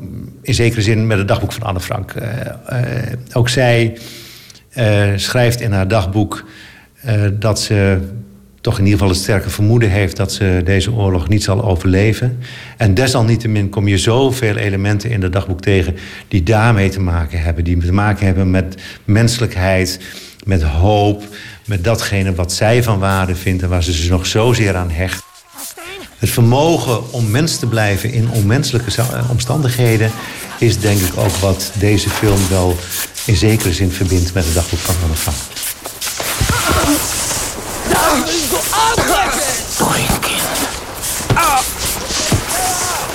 Het is altijd een probleem bij de verbeelding van de holocaust. Verdoezelen wil je niet, maar wie te expliciet is... loopt het risico dat mensen de blik afwenden. Wij hanteren wel een zekere handrem bij de selectie van foto's... die wij bijvoorbeeld in educatieve tentoonstellingen hanteren. Uh, het moet uiteindelijk wel een functie dienen. En de functie is natuurlijk om te laten zien wat er toen gebeurd is. Zonder dat dat leidt tot een reactie van... nou wil ik ook niet verder kijken, want dit is voor mij te heftig. Ja, daar is hebben. Baruch, Ato, Adona. Regisseur Nemes laat alles zien, al is het in een soort onscherpe beelden. Ik moet wel zeggen dat zelfs in die blurred beelden... in combinatie met de geluidsband van de film... dat het wel heel erg binnenkomt... en dat de beelden wel heel erg rauw en heftig zijn... en zeker ook zou kunnen overkomen op mensen. Dus uh, het is denk ik wel echt een, een, een film... waar je, als je daar naartoe gaat, voorbereid moet zijn... dat, het, dat die beelden wel heel hard kunnen binnenkomen.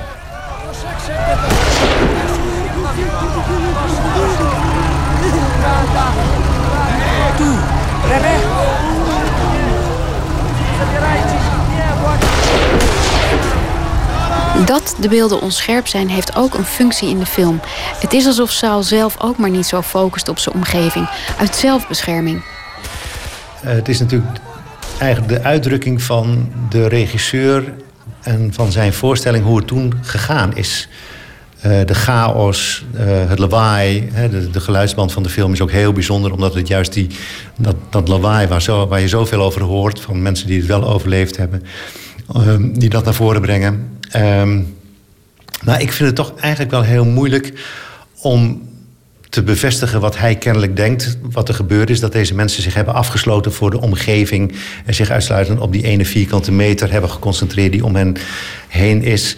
En of dat ook daadwerkelijk zo is geweest of niet, dat weten we niet. Uh, overlevenden van de zondecommando zijn er niet meer. We kunnen het ze niet meer vragen. Uh, dus het is denk ik vooral de voorstelling van de regisseur bij deze man. Uh, en het, de gedachte die hij heeft gehad... dat deze man zich kennelijk helemaal heeft afgesloten voor zijn omgeving... om dit werk überhaupt te kunnen doen. En ik kan me daar op zich heel, heel goed iets bij voorstellen. Maar of het ook daadwerkelijk zo is, weet ik niet. De film Son of Soul ging in première in Cannes... en wordt sindsdien alom geprezen. Een keiharde confrontatie met de holocaust is het. En dat vindt Ronald Leopold ook. Al heeft hij wel een kanttekening. Ik heb nog eerlijk gezegd niet eerder films gezien die je letterlijk de gaskamer innemen. Uh, en dat zijn natuurlijk afgrijzelijke beelden. Ik zeg er wel bij, we moeten ons wel realiseren... we kijken naar een film, we kijken naar een ansenering... we kijken niet naar een echte gaskamer, we kijken niet naar echte lijken... we kijken naar een geanceneerde gaskamer... en we kijken naar uh, acteurs die, uh, die uh, in deze film spelen. En dat is toch op zekere, tot op zekere hoogte wel een verschil met het kijken naar historische beelden. Zoals je die bijvoorbeeld ook in het Anne Frankhuis hebt. We hebben er niet heel veel. Het huis kenmerkt zich natuurlijk toch vooral door de leegte. Eh, maar je hebt er wel een aantal. Ehm, en dat is toch wel weer een ander soort beeld dan wanneer je naar een film kijkt. En het is belangrijk dat je dat onderscheid wel leert. Eh, want dat is eh, toch iets wat je ook zult tegenkomen als je andere musea binnengaat. Bijvoorbeeld in de Verenigde Staten, waar de oorlog heel erg geanceneerd weer is. Ehm, en het is belangrijk om je, het, om je bewust te zijn van het verschil van historische beelden aan de ene kant en een dergelijke film aan de andere kant.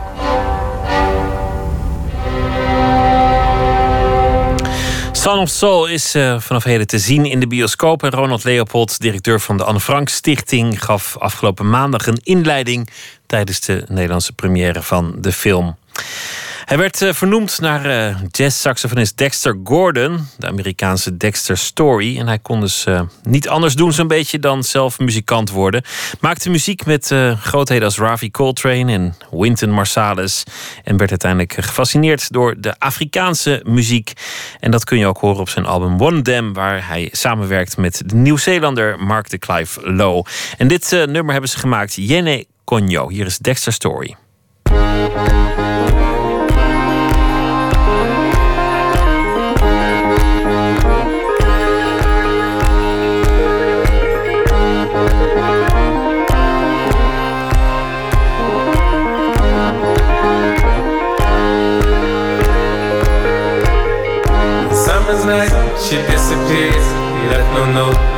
No word. Where to turn, no one knew. Not a sign, not a clue. Hard indeed, made up his mind. It's occur. He would find overland and overseas. Travel miles, but where could she be?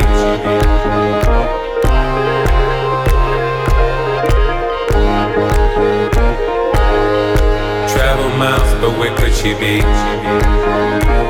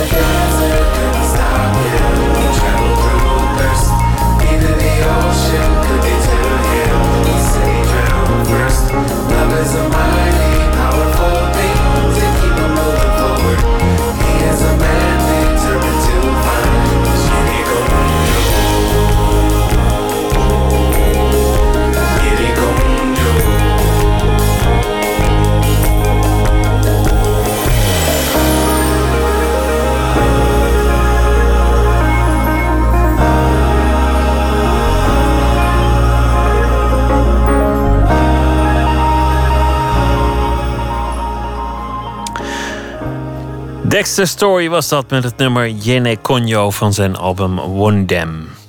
F. Starik is uh, dichter en beeldend kunstenaar. Komende week zal hij elke nacht een. Uh, deze week eigenlijk elke nacht een gedicht uitkiezen van iemand anders en voordragen van zijn favorieten. Vannacht is dat geworden Charles Bukowski met De man met de mooie ogen.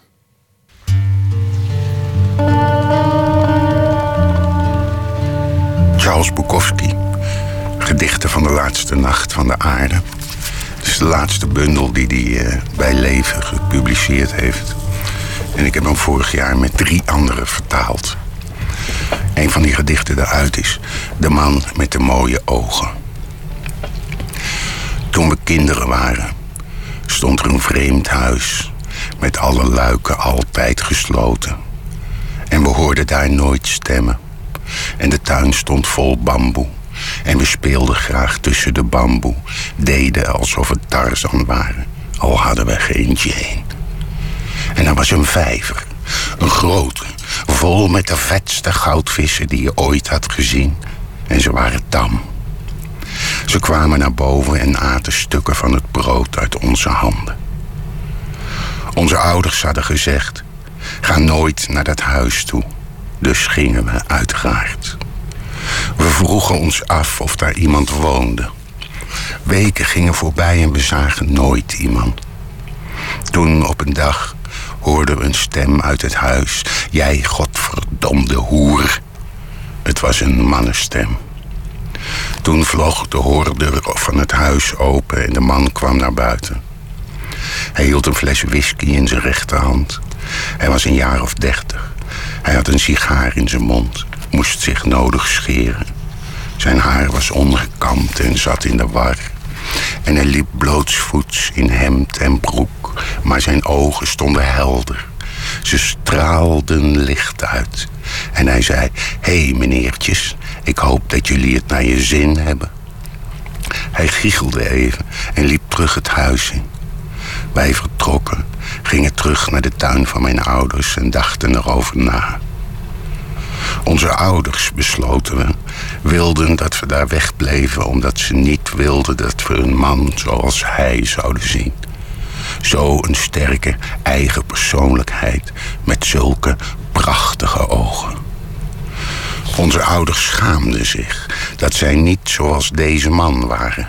Daarom wilden ze dat we daar wegbleven. Maar we gingen terug naar dat huis en de bamboe en de tamme goudvissen. We gingen vaak terug, wekenlang, maar we zagen of hoorden de man nooit meer.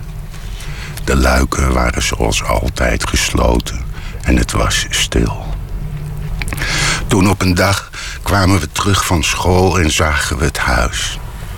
Het was afgebrand. Er was niets van over dan een smeulende, zwart geblakerde fundering. En we gingen naar de vijver en daar zat geen water meer in. En de dikke, oranje goudvissen waren dood, uitgedroogd. We gingen terug naar de tuin van mijn ouders en praten erover. En besloten dat onze ouders het huis in de hens hadden gezet. De bewoners hadden vermoord en de goudvissen hadden vermoord, omdat het allemaal te mooi was. Zelfs het bamboebos was verbrand. Ze waren bang voor de man met de prachtige ogen. En wij waren bang toen dat zulke dingen voor de rest van ons leven zouden blijven gebeuren. Dat niemand wilde dat iemand sterk en mooi als hij zou zijn. Dat de anderen dit nooit zouden toestaan. En dat er nog veel mensen moesten sterven. F. Starik las een gedicht van de Amerikaanse schrijver Charles Bukowski, De man met de mooie ogen. Morgen is uh, Jacqueline Blom te gast. Zij uh, speelt de hoofdrol in een nieuwe serie volgens Jacqueline, waarin uh, dit keer de echtgenote centraal staat. Het is een vervolg op de vorige serie volgens Robert, waarin de man centraal stond. Ook Arie Boomsma over de poëzie hoort u morgen in Nooit meer slapen en nog heel veel andere dingen. Wens ik u een hele goede nacht, morgen een leuke dag en graag weer tot dan. Straks op NPO Radio 1, de VARA met Top Radio.